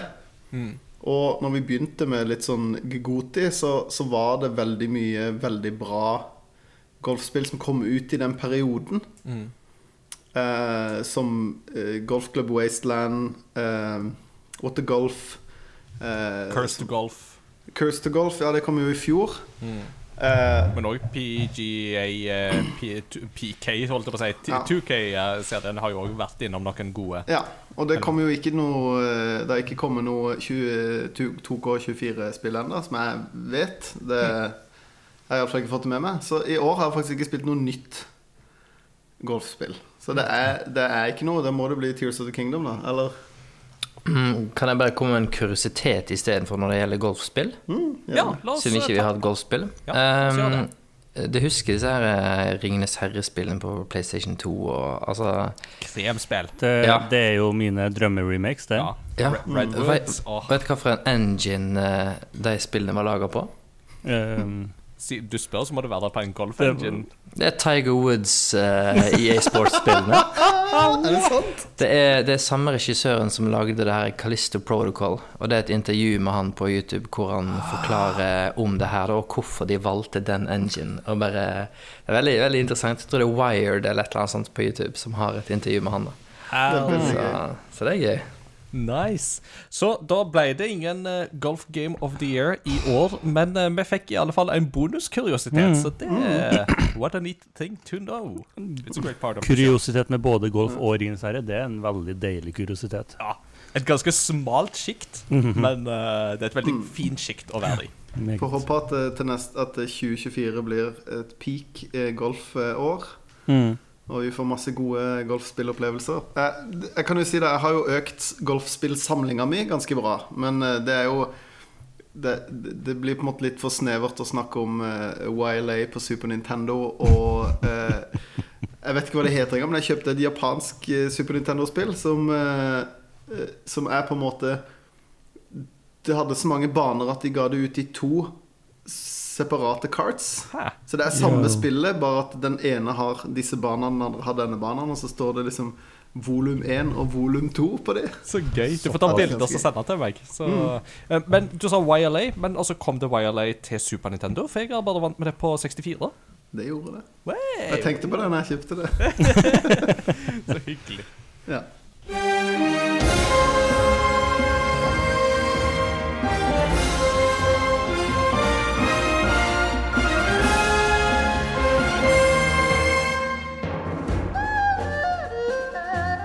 Da, folkens, er vi kommet til the big, fin eh, the big finals. Nå skal årets beste spill 2023 kåres. Og jeg har sagt det før, men jeg sier det igjen. For et spillår dette har vært. Altså Både for de som har likt eh, gamle ting, for de som har likt eh, nye ting, for de som har likt gamle serier, og for de som liker eksperimentelle titler. 2023 kommer nok til å gå inn i spillhistorien som et av de store, sammen med type 1998 og 2013 og 2017, 2004. En mange av disse årene der har liksom Ja. Det er enough talk. Eh, la oss eh, komme med våre kåringer her. Um, her legger vi jo litt eh, lista sjøl, um, hva spill som vi på en måte vil klassifisere innafor og ikke. Så um, Peter, jeg har lyst til å begynne med deg, jeg. Rett og slett. Ok. Ja. Ja, jeg har en topp ni-liste. Det tror jeg er min rekord for uh, sånn uh, ja, uh, Game of the Year-spill. Så- Og på niendeplass finner vi nier. på topp uh, top ni så tror jeg det blir topp åtte. For jeg tenker meg om, så tror jeg spillet kom ut før Års 2. Det er i fjor, det. Det kom eh, i desember i fjor, ja. Ja, ja. Så, det var nesten, da. Ja, nesten. Så åtte og en halv. Ja. Men eh, ja. Så bare for å få nærheten av en topp ti, så bare tok jeg med alt. Uh, som, men da har jeg da eh, CS2 og Overwatch 2, uh, som er liksom uh, Ja. der. Og dem er ikke lenger opp, fordi at de minner veldig om det forrige. og spillene, Samtidig som jeg syns det har skjedd utrolig mye bra. Kanskje veldig på CS2, med, og da spesielt røykgranatene er utrolig fascinerende. Hvordan det har Mm. endra spillet. Mm. Eh, hvor du må tenke helt annerledes. eh, fordi Skyter du gjennom røyken, så blir det hull, du får spor av røyken. Ja, og er kaster du en uh, røykgranat og deretter en håndgranat, så forsvinner røyken en periode. Eh, så du, du er ikke trygg brak røyken som du en gang var, som er vanvittig kule effekter. Mm. Eh, og som de har fått til veldig, veldig bra. Så eh, starter med dem. Og så har jeg egentlig en, eh, en bolk med, som er litt sånn eh, på sølv. Eh, som er da et spill som jeg har kost meg gløgg i hjel med eh, gjennom eh, året. Eh, jeg har jo faktisk platinum på fem av dem. Oi. Det er imponerende, bare den der platinumsamlinga di i år. Den har, Eh, fått den har vært god i år. Ikke minst med tanke på alle prøvelser du har vært gjennom. for å tak i noen av de. Jeg har sikkert eh, til sammen eh, 30-40-50 timer ekstra pga. at jeg at jeg prøvde å få ordna ja, anyway. Eh, og da starta jeg med Hogwarts Legacy, mm. som jeg syns var et kjempebra spill. Jeg koste meg ordentlig med det. Elska eh, verden. Merka jo at de har brukt desidert mest arbeid på Slottet. Mm. eh, eller skolen, det, og det gir jo mening. Det er jo, mm. det er jo der folk har forventningene. Det er jo Hogwarts Eh, ja, legacy. det er det. Eh, og så, men det var det utrolig deilig å bare fly rundt der. Mm. eh, og få utforske verden litt sånn skikkelig, og få litt sånn ja, litt sånn ordentlig oversikt over hvor, hvor ligger ting i forhold til hverandre, og hva er Ja, sånn. Eh, kunne sikkert gjort arbeid litt mer med med historien og sånt. Uh, Slither, uh, Smygar Slytherin er ikke så kjipe folk som eh, de egentlig skal være. Du taper ikke en duell og sier at ja, det her var en god kamp. Nei. Uh, og ja, men det Pluss et moralsystem hadde jo vært Ja. interessant. Mm. Og så eh. Og så har jeg da putta Og her, her er det veldig hipp som happ, altså. Jeg syns det er vanskelig å skille fra hverandre. Men der så tok jeg det Russian Clank. Mm. Det fikk jeg jo platinum på i dag, det, så det har jeg jo kost meg med. Den, det begynte jeg vel med på torsdag. Mm. Eh, Torsdag-fredag, og har kost meg veldig med det. Syns det er kjempeartig. Rift Apart. Eh, utrolig hvordan de har naila den teleporterings... eh, når du teleporterer gjennom riften, hvor du blir Du slenger en sånn piskelignende Ja, og så drar du en sånn rift mot deg. Mm. Og hvordan den da bare Du blir sugd inn i den. Mm. Dødsrått Mm. hvordan de fikk til det, og hvordan det funker. Jeg, jeg, etter å ha spilt gjennom hele spillet, så på siste banen så ble det fortsatt det en fascinerende eh, opplevelse. Kjempebra. Og det er jo 2021, men det har jo definitivt fått satt et fint punktum på 2023-spillåret ditt, syns jeg. Ja, det er 20, ja, det er selvfølgelig er det. Ja, ja, jeg har spilt det nå. Eh, neste, det er Spiderman. Det vet jeg fra Ja, det kommer vi til å gjøre. Det er helt riktig. Eh, Spiderman eh, 2 på PlayStation 5, så eh, og da ikke Det kom i fra PlayStation- ikke fra 2002, Det. Eh, Den er god, det skal jeg like det. Eh, altså, igjen, eh, det er jo et spill som ikke har bruk for eh, fast eh, travel. Altså, du Det er så digg, og jeg er så sjalu over at ha og det at og når du liksom slenger deg rundt i New York på den måten som du gjør. Pluss at når du har dere mm, vindtunnelene, eh, så fyker det så faen Du, du fer så fort gjennom byen. Åh, ehm, og eh, måten de bruker både Miles og Peter, eh, fungerer veldig, veldig godt. Så Mm. det, den er neste. Eh, Jeg skal ikke snakke så mye om hvert spill, for da, mm, hvis dere skal begynne å gjøre det, Ingar, så tar det jo en evighet. Uh, neste er da Jedi Survivor, som òg er et skikkelig bra spill.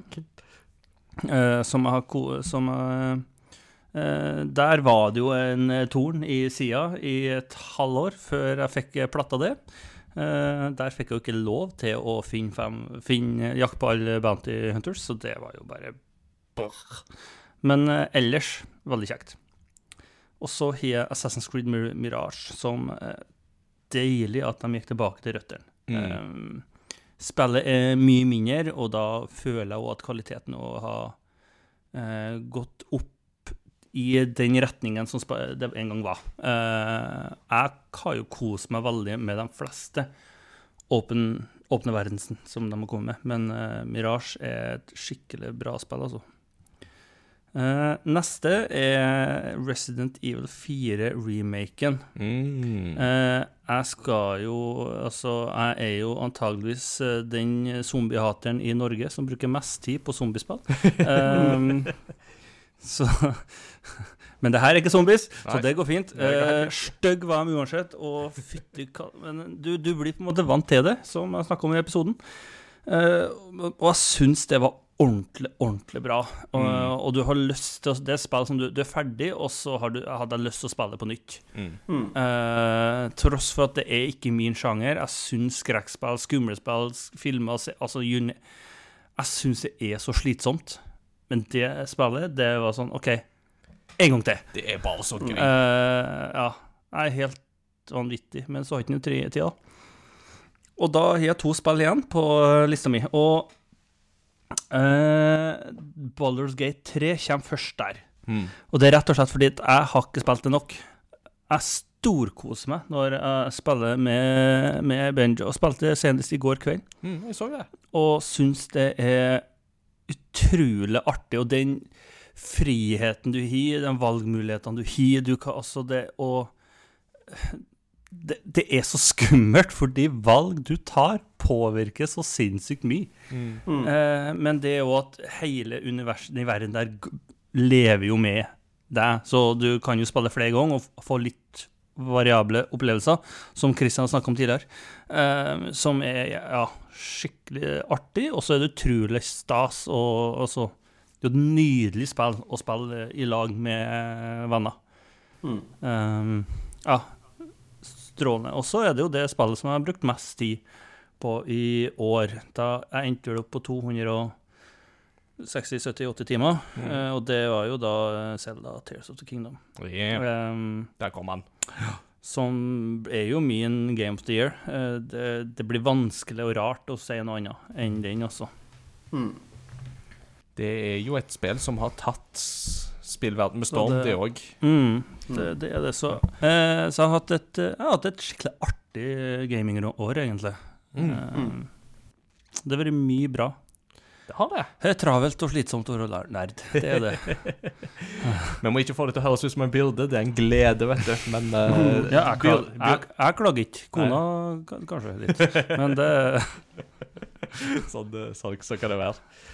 Ja, nei, eh, veldig god liste der. Um, jeg, jeg vil skyte inn uh, at eh, jeg har jo utelukka Resident Evil 4 fra min liste fordi det er en remake, men det er jo helt klart et spill som hører hjemme på en sånn toppliste. Uh, Når, når, kom, når kom det remaken ut? Den kom ut i år, uten Ja, det? den kommer til å Mm, ja, ja, ja, ja. Ja. Men det, det har jo vært en sånn diskusjon. Uh, Jo, jo, jo. Da Det det f.eks. ble nominert til Game of the Year på Game Awards, så var det jo en diskusjon om det faktisk hørte ja. hjemme der, Mm. eller om det liksom da hadde egentlig hatt sin sjanse tidligere. Ny, ny, ny sjanger? Ja, Årets remake? ja, men altså, jeg tenker det at til neste år så burde vi absolutt eh, slenge inn en sånn årets remake slash remaster. Uh, burde nesten vært en egen kategori etter hvert, altså. Eller årets relansering. Uh, Alt et sånn. Vi får ta det på bakrommet til, Mm. eh, etterpå. På bakrommet. På bakrommet. Så Mats Jakob, har du lyst til Yes. å ta, ta dine? Jeg kan ta min liste. Ehm, den var fem spill utgitt i 2023. Nå er det bare to igjen.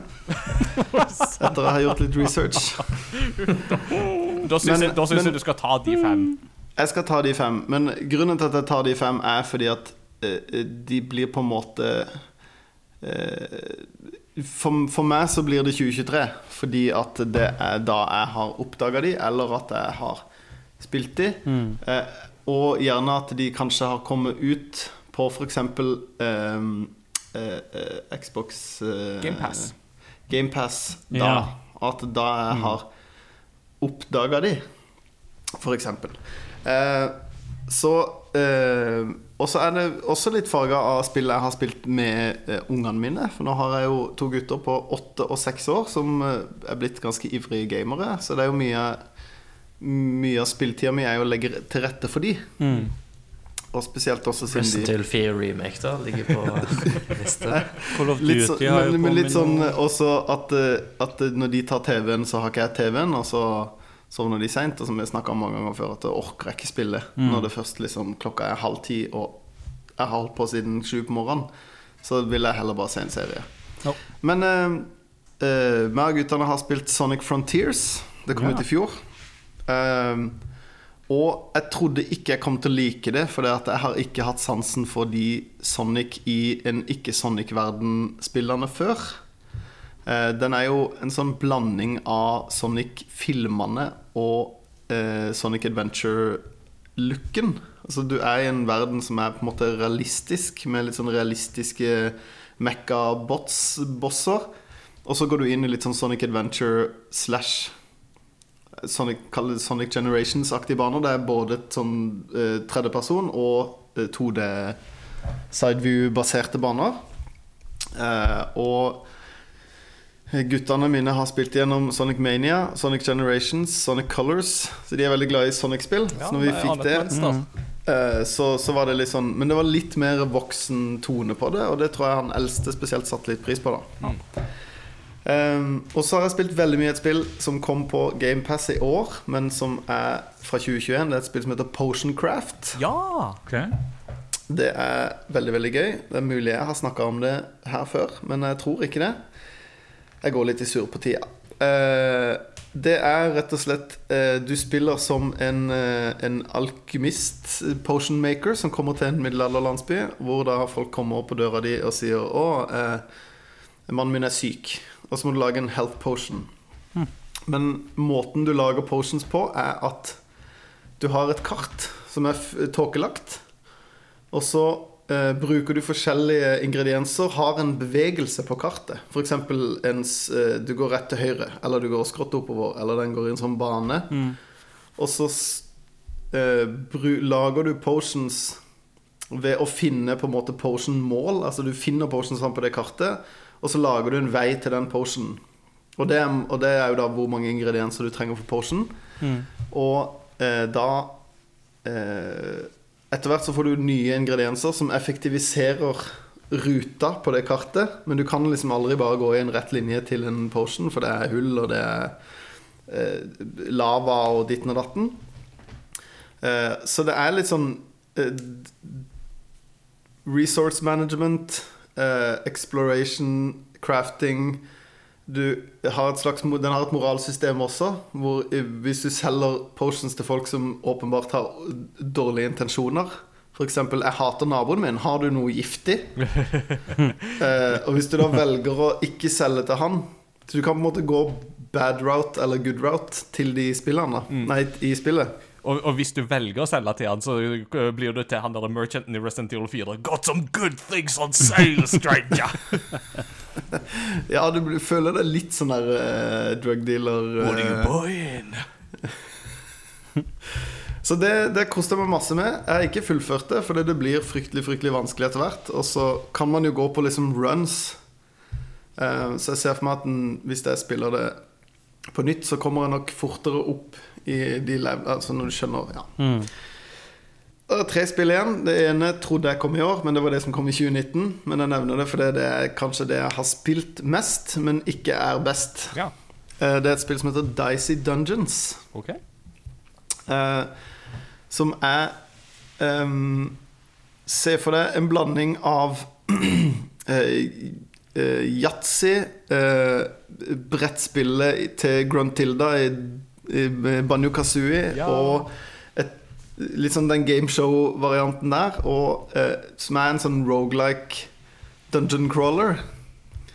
Eh, hvor du eh, spiller eh, episoder. Eh, det er seks episoder for hver class. Eh, fordi at du er en terning, så derfor har du selvfølgelig Der er seks av alt. Eh, hvor du bruker angrep basert på terningkast. Så du kan ha angrep som kun kan brukes på oddetall eller partall, eller kun fem eller mer, og sånne ting. Og så jobber du deg gjennom en sånn veldig lineær dungeon eh, for å klare den, komme til en siste boss og klare den, og da har du klart episoden. Men eh, de har gjort veldig mye gøy med med, med de forskjellige classene, som gjør at det, du har eh, vanlig liksom warrior, eh, mage, sånne ting, men så er det også robot. Som eh, ikke kaster terninger. Han eh, triller et tilfeldig utfall. I, i, det er liksom databasert. Eh, og etter hvert du kommer ut i episodene, så har du på en måte enda flere ting som jobber mot deg, da. Eh, som gjør at det på en måte Du må faktisk bli god med den classen for å klare å liksom manøvrere deg rundt, da. Eh, så det har jeg kost meg masse med. Det er veldig sånn pick up and play. Du kan spille en episode, og så feiler du det runnet, og så kan du spille noe annet. Men uh, der har jeg spilt ganske mye. Anbefales Ja. på det sterkeste. Jeg, jeg søkte det opp her da mens du snakka. Det, det så sjarmerende ut. Ja, det er veldig, veldig gøy. Så er det jo da de to spillene som faktisk er gitt ut i år. Eh, Det ene fikk min eh, sønn i bursdagsgave, for det kom ut på bursdagen hans. Han fikk en Nintendo Switch Lite og Super Mario Wonder i bursdagsgave. Zowie! Og han har ikke spilt annet eh, i to måneder snart. Eh, Det skjønner jeg godt. Jeg får kun lov å spille banene som har en vanskelighetsgrad på fire stjerner eller mer. Eh, fordi de klarer han ikke. For han er fremdeles ganske liten. Men han har kommet til siste Til Bowser-biten helt alene, bortsett fra å ha hjulpet med noen av de litt vanskelige banene. Kult. Um, jeg har sett på han spille veldig mye, og det er jo et Det, det er jo dødssjarmerende. Og så er det jo vanvittig bra lagd. Det er, ja, Ingar. Det er så imponerende. Jeg, må, jeg spurte Jon Edvard om det, men jeg må spørre deg òg. Er det sånn at du hører Jack Black hver gang Bowser snakker i det spillet? For det gjør jeg. Jeg har jo enda ikke sett Mario-filmen på engelsk. I have small children. Ja, det, det, men jeg har sett den veldig mange ganger på norsk. Eh, har noen av dere sett den på norsk? Nei. Nei. Jeg så, den. jeg så Eh, halve- den ene Mario-broren er fra Mandal, den andre er fra Trondheim. ja, jeg Ja, for jeg så, jeg så den på eh, Jeg så traileren på norsk, og så hørte jeg eh, trønderske broren, og da var jeg sånn Nei! Ja. Ja, det er sånn Unnskyld meg. Mario, hvor skal vi gå hen? Jeg vet ikke! Så er det bare sånn Nei. Nei. Jeg veit ikke. Da er jo en Ja, av de adopterte. Mer. fytti Altså, flipper av den dialekta.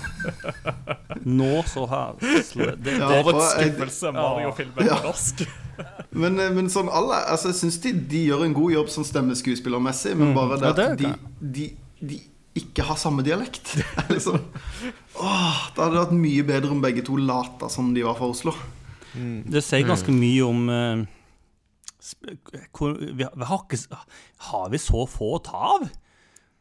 Ja, Ifølge Pontus så har vi jo bare fire skuespillere i dette landet. Det er helt Eh, korrekt. eller, eh, altså, du har, du har Arne Dahltorp, Pia Tjelta, Kristoffer Kristoffer Jonard og um, Aksel Hennie. Uh, ja, og så har du Bjørn Sundquist når du trenger en gammel røver. Ja, Nei, så jo eh, Jeg hører ikke for meg uh, Jack Black, men jeg hører for meg en eller annen skuespiller som eh, gjør en litt sånn halvgod jobb. Eh, ja, så det uh, er øverst på lista mi, og det har jeg mest sett på. Uh, så det, men jeg har jo test kjent på det, så det Ja, det er veldig bra. Og på toppen så har vi jo selvfølgelig Selda. Yes. Det hadde vært rart hvis det var noe annet. Eller hadde blitt veldig veldig overraska sjøl hvis det var noe annet. Mm. jeg snakka i stad om at Majora's Mask kanskje er den beste oppfølgeren, men det, den her gir han en ganske solid konkurranse. Eh, dere har jo sikkert snakka masse om det spillet her i podkasten allerede, men eh, det jeg liker med det spillet her, er at Eller jeg når jeg hørte at eh, folk anmeldte det, og du anmeldte det vel, gjorde du ikke, Ingar? Og Andreas Hedman anmeldte det, og bare Ja, jeg har spilt i en uke, jeg har spilt dritmye. Ja. Så tenkte jeg bare, når jeg sitter og spiller nå Jeg har tatt tre av de Champions-greiene. Jeg har spilt kanskje 150 timer. Bare koser meg, tasser rundt, tar meg god tid. Og det er sånn når jeg spiller nå, så tenker jeg åh, jeg er så glad for at jeg ikke måtte spille det på en uke. Fordi at jeg kan liksom spille det helt i mitt eget tempo. Jeg kan gjøre det Den- som jeg vil. Ja, det er, men det er sikkert gøy å druse gjennom det og vite at du er åh, en av de første som får oppleve dette. Men Ja, det var, det var absolutt gøy. Og det skal sies at eh, det kan høres ille ut, men da jeg anmeldte Skyward Sword, så fikk vi det en fredag ettermiddag, og anmeldelsen skulle være klar mandagen etterpå. Så det rusha jeg jo gjennom på en helg. ja, og, og, men igjen, da. Det er jo et spill på 40 timer. 35-40 timer. Så det er jo ikke ja, ja. 200 Nei, timer nei på samme men det var måte. fortsatt sånn at jeg gjorde ingenting annet da enn å game, game, game, game, game, gå på do, game, game, game, game, game, slegge pizza i ovnen, game, game, game, ta ut pizzaen, og så ja. Og fikk- Og så fikk du litt senebetennelse av å sitte og vifte i fælt du har Ja, Slåss mot Giraim og- Lite av det, altså, heldigvis, da. Så ja. Nei, men eh, definitivt Selda på topp eh, hos meg. Det er ikke noe tvil. Mm. Skal si. Kristian, hvem av oss skal Det er oss to igjen. Har du lyst til Ja, jeg har en ganske kort liste, så jeg kan bare gunne på. Ja. Kjør på. på eh, jeg har en topp fem. Mhm. Og på femteplass så har vi et, eh, en solid oppfølger som eh, forbedrer både verden og ja, jeg vil si story og ikke minst kampsystemet. Altså, hvem hadde trodd at en Jedi med sverd i én hånd og gunner i andre kunne være så fett? Så der er det Jedi Survivor. Mm. Jeg likte det veldig, veldig, veldig godt. Og så, på fjerdeplass, så har jeg mitt Jeg har to yndlingsspill fra GameCube-tida. Det er Windwaker, og så er det Resident Evil 4. Og den remaken um, uh, skuffa virkelig ikke. Og jeg, jeg, jeg tenker nesten på det som et nytt spill, for det, det, det er veldig mange nye ting, og veldig mange ting de har De har liksom um, ekspandert mer, og uh, mer gameplay-system, og det er ganske masse nytt der, da. Og eh, ja, remaken dødsbra. Og at du nevnte det, Peter, med at eh, med en gang du runder det, så har du lyst til å spille igjen. For det har jeg hørt andre si òg. Og da tenkte jeg sjøl òg, og jeg vet ikke Jeg klarer ikke å sette fingeren på hva dette spillet er som gjør at du har lyst til det. Men jeg, jeg nå har jeg lyst til å runde en gang til på høyere vanskelighetsgrad. Kanskje det, det er litt av at det ikke er for langt, og det er veldig sånn Det er, kan, fokusert spill og det er kanskje et av de spillene i spillhistorien med mest perfekt pacing. For det, Ja. det, det, er ikke for, altså, jo, det er ikke for langt, det er én ting, men så er det um, verden Altså, verden utvikler seg så mye. Så nei, det, det er ikke så langt. Uh, pacinga er nydelig. Men samtidig så føles det som fryktelig lenge siden du starta. Sånn, det, det, har skjedd så, det har skjedd så mye. Utviklinga har skjedd fort, men bra. Eh, tipper jeg. Og så er det liksom Og så vet du at i det universet her så er det så mye mer du kan utforske. Og i hvert fall hvis du syns det er litt festlig med trofeer, så er jo det spillet bare Der vil jeg kanskje si at trofeer gjør det enda artigere. Mm. For der har du noen mål du kan sette som er vanskelig. Ja. Men Ja, det er vel hvis du skal, hvis du skal få enkelte ting i spillet, så må du runde på den vanskelighetsgraden under den tida her. Eh, Høyeste liksom, vanskelighetsgrad er på fire timer, tror jeg. Ja, sant. Det det er en bra kveld, det. Det, ja, for det er jo egentlig en kveld. Mm.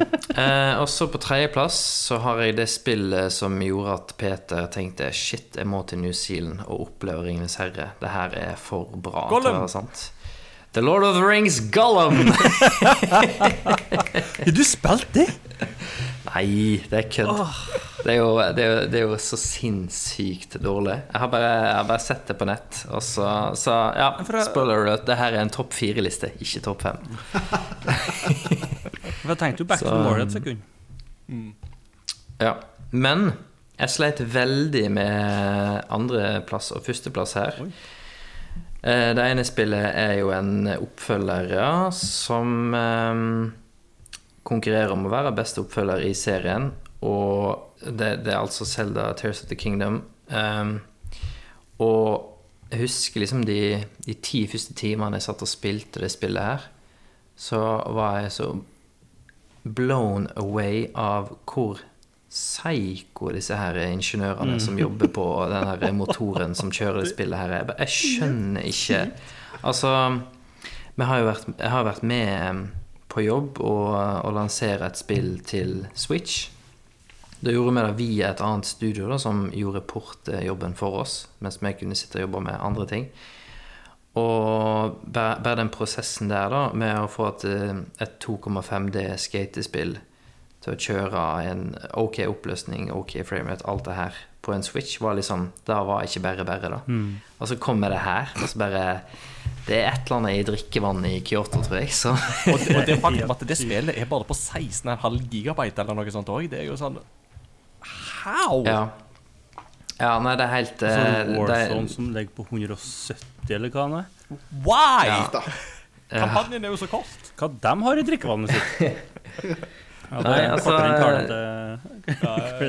De har, de har gigabyte i drikkevannet Mm. Nei, nei det, det er et spill som Ja, nå har jeg jo sagt at jeg liksom ikke har hatt nok tid til å spille i en tidligere post her, da, men, eh, men likevel de, jeg, jeg har kommet til første sånn champion-greie. Jeg har kommet til Soras-domene og Ja. Holdt meg opp der. Og, og det er liksom eh, Nei, det er så sinnssykt bra. Men så blir det kun slått av at jeg har hatt mer tid til å spille det spillet her, og jeg har akkurat samme historie som Eirik. Jeg måtte holde igjen her, men jeg husker jeg var superhypa på Baldur's G3. Kjøpte Early Access med en gang. Satt med Martin. Martin. Eh, den kvelden da liksom Early Accessen kom, satt og testa det, og jeg, jeg, jeg følte jeg skjønte liksom at shit, det her det her blir bra. Det her blir dritbra. Og så lot jeg det ligge. Så gikk det vel to år, tror jeg. To eller tre år før, eh, før spillet endelig kom ut. Og eh, Baldur's Gate 3 er altså så sinnssykt eh, bra. Og det har, jo, det har jo vært så bra at det har starta en sånn debatt eh, på nett mellom eh, spillere og utviklere. Hvor andre utviklere bare Please, please, ikke mål oss etter dette spillet her. og spillere bare Jo, jo, jo, dette er jo den nye standarden. Og studio bare som har mindre penger enn disse her, og ikke samme um, Early Access-suksess og alt sånt. eh, kanskje ikke samme gode tider heller. eh, Tryglom Nei, nei, nei, legg standarden litt lenger ned. Men nei, det er så det er virkelig eh, et spill hvor du Du føler at her, her har du ikke illusjonen av store valg, men her har du store valg.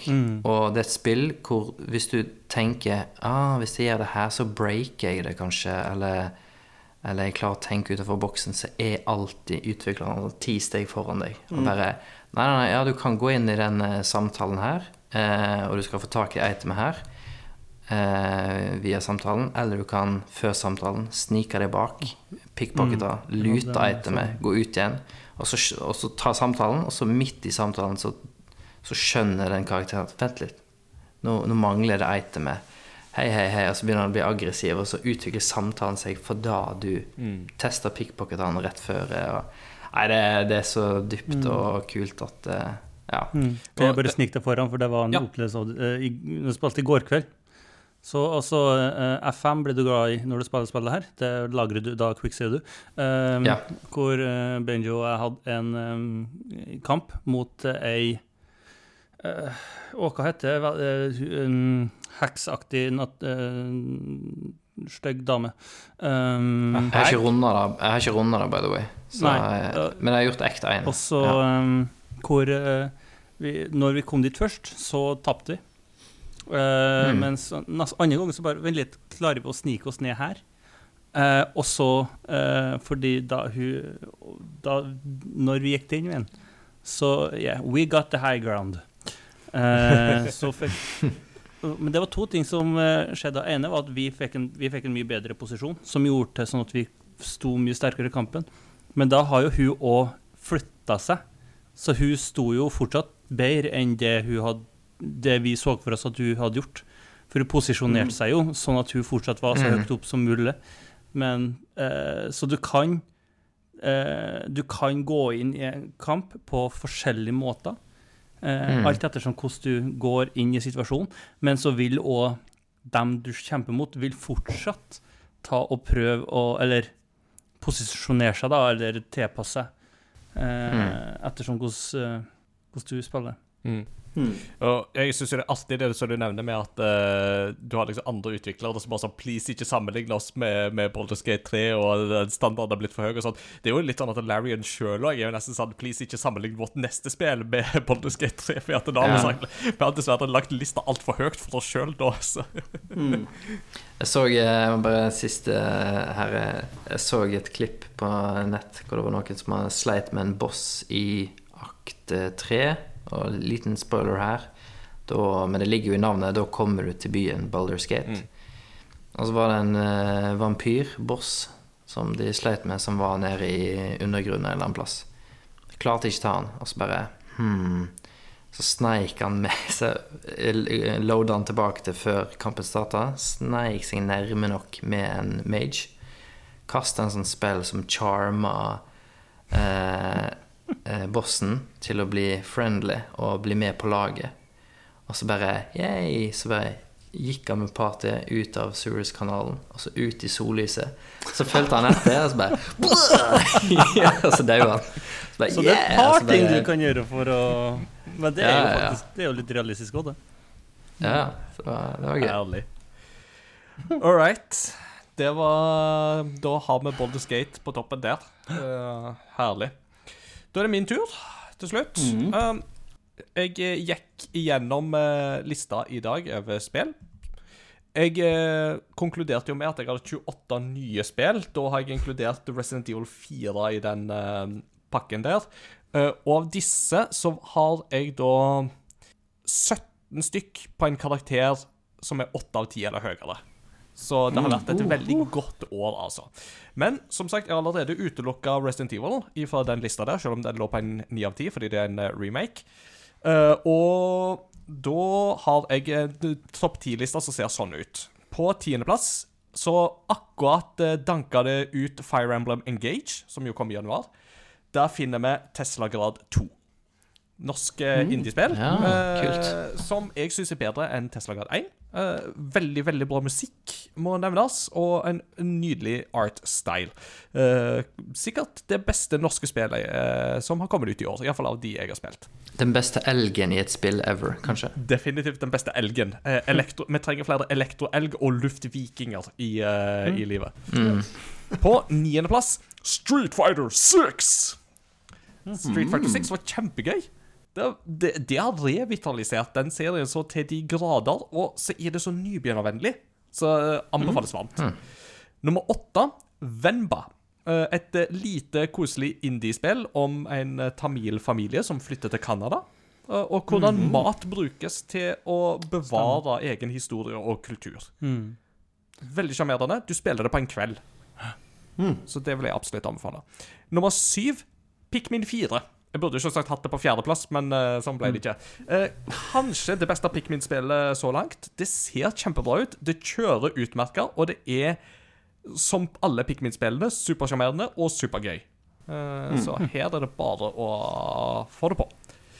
Kanskje, ja, det vant jo beste strategi på The Game Awards. Det, det vil jeg stå innafor, altså, av de jeg har testa. Så ja. På sjetteplass, Marvels Spiderman 2.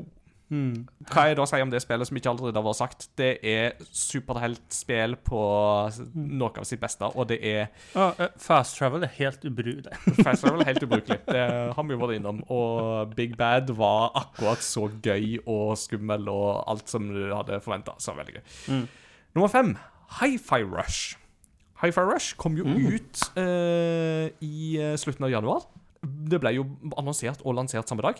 Og det var så gøy. Altså, Mats Jakob, dette her tror jeg er et sånt spill for deg.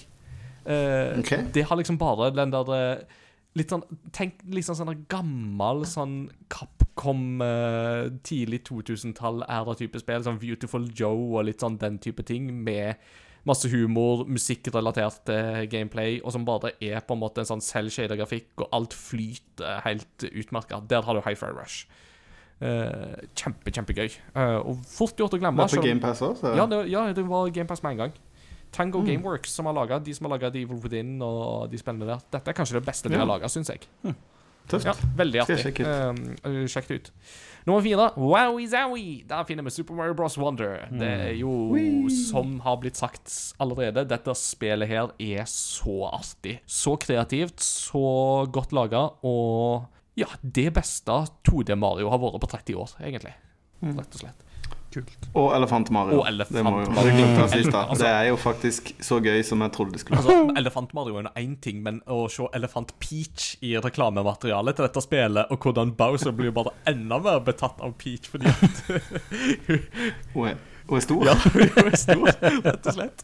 Så kudos til Basel der, altså. Det, det er Peach han er glad i. Hvor, hvordan hun, hun er stor eller liten, det spiller ingen rolle. Bowser har kommet seg ganske mye eh, for de flestes øyne det siste året. Ja, ja, ja. Han har, han, han har fått en sånn rebranding. Rebranding, rett og slett. Han har uh, snakka med PR-avdelinga si. Ja. Så, eh, nummer tre. Da skal jeg eh, igjen Jeg skal ha litt fortgang her. Nummer tre, Sea of Stars. Dette er jo det Chrono Trigger-aktige inspirerte spillet til de som lagde The Messenger. Og dette har jeg snakka varmt om eh, både tidligere i podkasten og i anmeldelse på Game Reactor og hos spill, men dette her er så bra. Det er så underholdende, og det ser så pent ut, og musikken her er top notch. De har jo til og med fått med Yasunori Mitsuda, eh, Chrono Trigger-komponisten, på ti sanger. Eh, og det er, det det er så nydelig kvalitet på dette her, og det er supergøy og alt, så det, Sea of Stars Jeg eh, ble veldig godt fornøyd med det spillet. På nummer to, Alan Wake 2. Det er et hull som jeg har vært i de siste ti dagene eller så. Jeg ble ferdig på søndag, og for en opplevelse dette her er. Herlighet, dette er historiefortelling på et helt nytt nivå. Og det er eh, Anders som jeg snakka litt om det i forrige episode, og som Anders sa, dette er et av de spillene som du vil huske etter denne konsollgenerasjonen òg, for det er så, så bra. Og musikken òg er så bra, og hvis du ikke har fått med deg that moment i spillet, så få det med. Altså Om du aldri skal spille Alan Wake 2, du må få med meg that moment in the game. Eh, bare spør meg etterpå, så vet dere, får dere vite det. Og da er det kanskje ikke så overraskende at på topp så finner vi The Legend of Zelda Tears of the Kingdom. Selv om faktisk Alan Wake 2 var en knivskarp konkurrent her på slutten. Det skal jeg si. Så, så gøy har det vært. Men med Tears of the Kingdom Jeg satt med dette her to uker før alle andre og spilte, og så jo mer jeg satt, fikk tid med det For at til, til å begynne med så var det jo litt sånn der Ja, men altså, Breath of the Wild satte jo en helt ny standard. Eh, bygger de bare mer på det samme? Er det bare en billig oppfølger, eller hva er det? Og jo mer jeg satt med dette, så innså jeg jo stadig mer at dette her spillet her kommer til å endre alt igjen. Og det vil jeg jo definitivt si at det har gjort. Altså, det er Breath of the Wild satt, la fundamentet, sånn at, Tears of the King, sånn at vi var klare for Tears of the Kingdom da det kom ut. Og så å si alt som folk hadde å innvende mot forgjengeren, bortsett fra Weapon Degradation System, har de endra på og forbedra og fiksa og gjort noe med. Og det er applaus til Nintendo for å lage et spill som kjører så bra på så etter hvert gammel hardware, som du sa, Christian. Det, det er teknisk imponerende til de grader, altså. Så dette her er For meg så var det en sånn her uh, game-changing moment på Nintendo. Altså, det var, det var så imponerende. Og igjen, da, når man eh, kommer til det stedet som uh, ingen av trailerne hadde snakka om i forkant at du skulle til, den delen av verdenen Igjen, altså det, det, Utrolig hva de har fått til. Så Tears of the Kingdom tok uh, så vidt Det fikk litt konkurranse på slutten her, men eh, det, det ble Tears of the Kingdom for meg òg, rett og slett. Kan jeg bare skyte inn en ting med en, ta en tanke rundt Zelda-universet som, eh, som slo meg veldig hardt i dag. For eh, jeg har hele tida jeg, jeg digger Breath of the Wild, jeg digger Tears of the Kingdom. Jeg synes de er dritbra Men i mitt hode så er det en helt egen kategori med Zelda-spill. Og jeg tror fremdeles jeg kanskje liker den gamle typen Zelda-spill bedre. Jeg er veldig fan av den lineære Zelda-opplevelsen.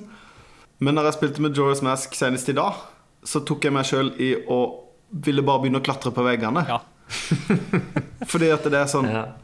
å, Men de har åpna en mulighet som på en måte ikke har vært en mulighet før. Det er sånn derre som, som man ikke har tenkt på at det er liksom sånn Å, dette her er jo bare Eller, eller at jeg har hatt lyst til å bare glide. Eh, sånn, ting, sånn movement-ting da som på en måte ville jo ødelagt et lineært Zelda-spill. Selvfølgelig, men eh, Men så, så nevnte du det i stad med Assassin's Creed-spillerne. At, eh, at det var deilig at de hadde gått tilbake igjen. For jeg har tenkt lenge på det eh, Tenkt lenge, jeg har tenkt masse på hvordan ville et nytt lineært Zelda-spill vært? Ville det blitt tatt godt imot? Ville de på en måte Hva ville de tatt med seg inn, og ditten og natten? Eh, men det var litt deilig å høre deg si at det var deilig at de gikk tilbake til den gamle formelen. At ikke open world er svaret på alt. For det har føltes litt sånn de siste 10-15 årene i spill. Eh, og det er jo alltid Det er jo trender hele veien, ikke sant? Det er jo eh, Ja. Ja, for det er jo altså Det har jo Åpen verden har jo på en måte blitt greia i det siste. jeg er, det er veldig, veldig mye av det. Uh, I eh, utrolig mange forskjellige sjangre òg, egentlig. Uh, eller sånn type, forskjellige typer historier. Mens Mm. uh, og spesielt når du har Du har så mange vanvittig store spill da, som har kommet også Witcher 3 i, i City, eh, God of War, spesielt Ragnarok i fjor, som òg er ganske åpent. Eh, og så har du år hvor det har liksom eh, pika litt med både Breath of the Wild og Baldur's Gate, som igjen eh, har revolusjonert eh, åpen verden. Så tror jeg nok kanskje det er sunt og egentlig litt deilig å gå, gå, gå litt tilbake. For jo, i, i Assassin's Creed, du kan jo gå overalt. Men det er ikke en så stor, åpen verden at du, du, du blir sittende så, så lenge. Så håper jeg at Mm. altså, eh, Kanskje noen som bør se litt mer på litt mer låste, låste veiene, som i, i Disney i Å, kjære vene, eh, PlayStation-spillet hvor du går på skattejakt. Uncharted? Uncharted, Ja. for Mm. eksempel. Som er Ja. Altså, det er en nydelig sjanger. Mm.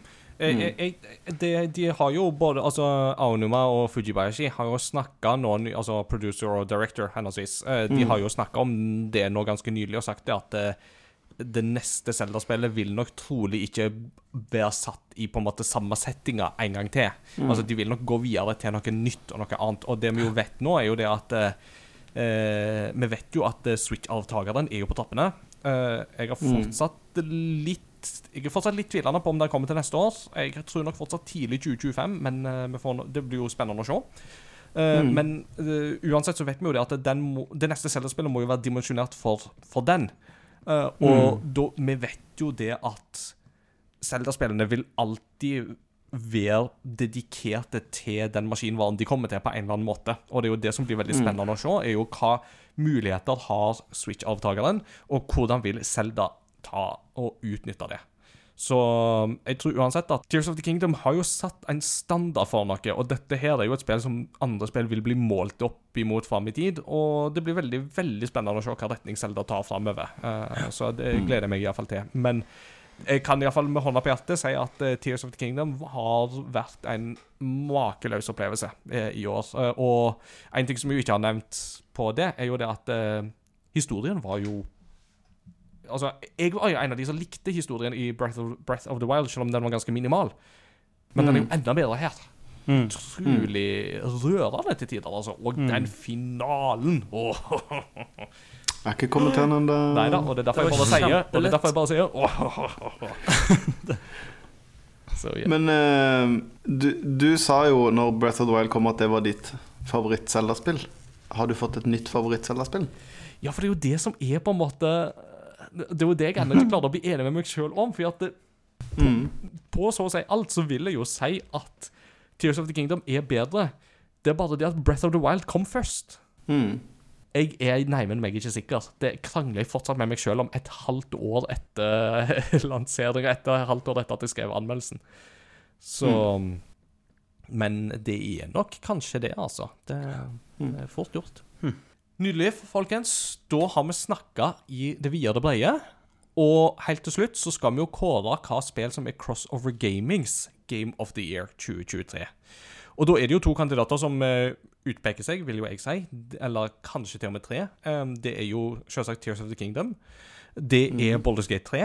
eh, og kanskje til og med også Super Mario Bros. Wonder. For det er jo et spill som har gått igjen hos tre, noen av oss, iallfall. Så Men eh, Tears of the Kingdom har jo førsteplassen til tre av oss. Og deretter en andreplass. Og deretter en andreplass. Og da er det Jeg tenker Gollum, jeg. jeg tenker Gollum.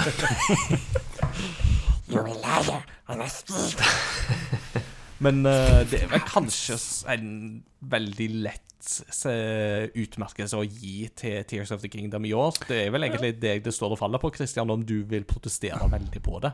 Du, du det, det kan godt være at om et halvt år så er det på førsteplass hos meg òg. Når jeg har fått fullført begge deler. Og i, i en ideell verden så hadde jo flere av oss spilt Baldur's Gate 3 òg, så Mm. Så ja. Nei, men jeg tror det blir rett. Eh, Mindre kontroversiell enn i, eh, i fjor. Da, da var han jo det spillet som veldig få av oss hadde spilt ferdig, men som alle var liksom det, Men det blir favoritten. Eh, og som enkelte i eh, Discord reagerte litt på. Ja, det gjorde Så det, i år så tror jeg nok det blir verdig og rett å si at Zelda Breath of the Wild er eneren, altså. Mm. Kan iallfall ikke si at du har brukt, i hvert fall ikke si at du har brukt en liten tid på det, Peter. Det er sant. Nei. Men nå husker jeg ikke. Hva, hva var det som vant i fjor? Det var Ragnarok. Var det ikke det? Ah, ja. Jeg tror det. Var det? Det hadde jeg spilt ferdig. Jo. OK. Jeg tror det var Ragnarok. Ja, men det står fortsatt for min del, Mm. så men ikke helt vel. Anyway. Skjønner. Så det var det, folkens. Eh, vi har kommet til veis ende i årets siste episode. De blir jo alltid litt lange, disse julehøymessene, men altså, herlighet, folk skal jo ha juleferie. Da har de tid til å høre på podkast. Så eh, jeg synes, Og du trenger litt uh, Du trenger litt fri fra tante Olga, som uh, snakker om hvor stor du har blitt det siste året, og du er bare sånn Ja, tante Olga, jeg vet jeg er blitt feit. Det er greit. Når, når du trenger litt sånn um, avbrekk fra tante Olga og kanskje onkel Birger, som har fått i seg litt for mye han ikke skulle ha drukket, så er det godt å ha Crossover Gaming på laget. Og hvis du vil ha Crossover Gaming med på laget, så må du jo da selvsagt ta deg en tur innom vår Discord-kanal, som du finner lenker til på crossovergaming.no. Der vil det nå etter hvert komme anmeldelse av Alan Wake 2. Det vil komme en anmeldelse av Cocoon, som jeg holder på med òg, og City Skylines 2. Så det er sånne ting som jeg holder på å få skrevet litt ned, så sjekk det ut. Og til postludium i dag så hadde jeg lyst å trekke inn et uh, musikkspor fra et av mine favoritt-soundtracks i år, som jo da er Sea of Stars-soundtracket. og da ville jeg ha ene kamptemaet, altså Battle On, uh, fra mm, dagtid uh, henholdsvis. eh, Fra Sea of Stars, som da er komponert av Eric Brown, eller Dra eh, Rainbow Dragon Eyes, som han òg kaller seg. Jeg har ikke lufta det med de andre i forkant, men eh, jeg tenkte at eh, de, får heller, de, de får heller bare protestere veldig sterkt hvis de er imot. Jeg støtter. Ja. Karer, dette her eh, er like kjekt som jeg hadde sett for meg på forhånd at det skulle være. Det er alltid kjekt å bruke tid sammen med dere. Jeg setter veldig pris på å ha dere med på Crossover Gaming. Det blir liksom ikke det samme uten dere, karer. Og The honor is og hvem vet, kanskje nå i eh, 2024 at uh, nå som dere bor i nærheten av hverandre, at eh, vi får til dette her igjen, eh, Kristian og Marcel. Det hadde vært veldig stas. Vi har to timers episoder med to personer. Hvis vi blir fem i snitt, eh, så Ja. Jeg bare, når du trodde jeg hadde flytta til Grimstad den, jeg, jeg kjenner at jeg trenger to år før jeg har kommet over den. Nei da. Let it go. Du har jo flytta til Arendal, så let it go. Men jeg jobber i Grimstad, så du, du var jo ganske close, egentlig. Hvis, hvis det hjelper Jeg har en tante og onkel som bor i Grimstad, så det, det er der koblinga Ja. Tante Olga. Tante Olga og onkel Birger. Ikke sant. Fettshameren og Typisk Grimstad-folk, altså. Det, Nei, nei, nei. Tusen hjertelig takk til dere som har hørt på. Vi snakkes ved neste korsvei i 2024. Ha det bra! god jul, godt nyttår. um,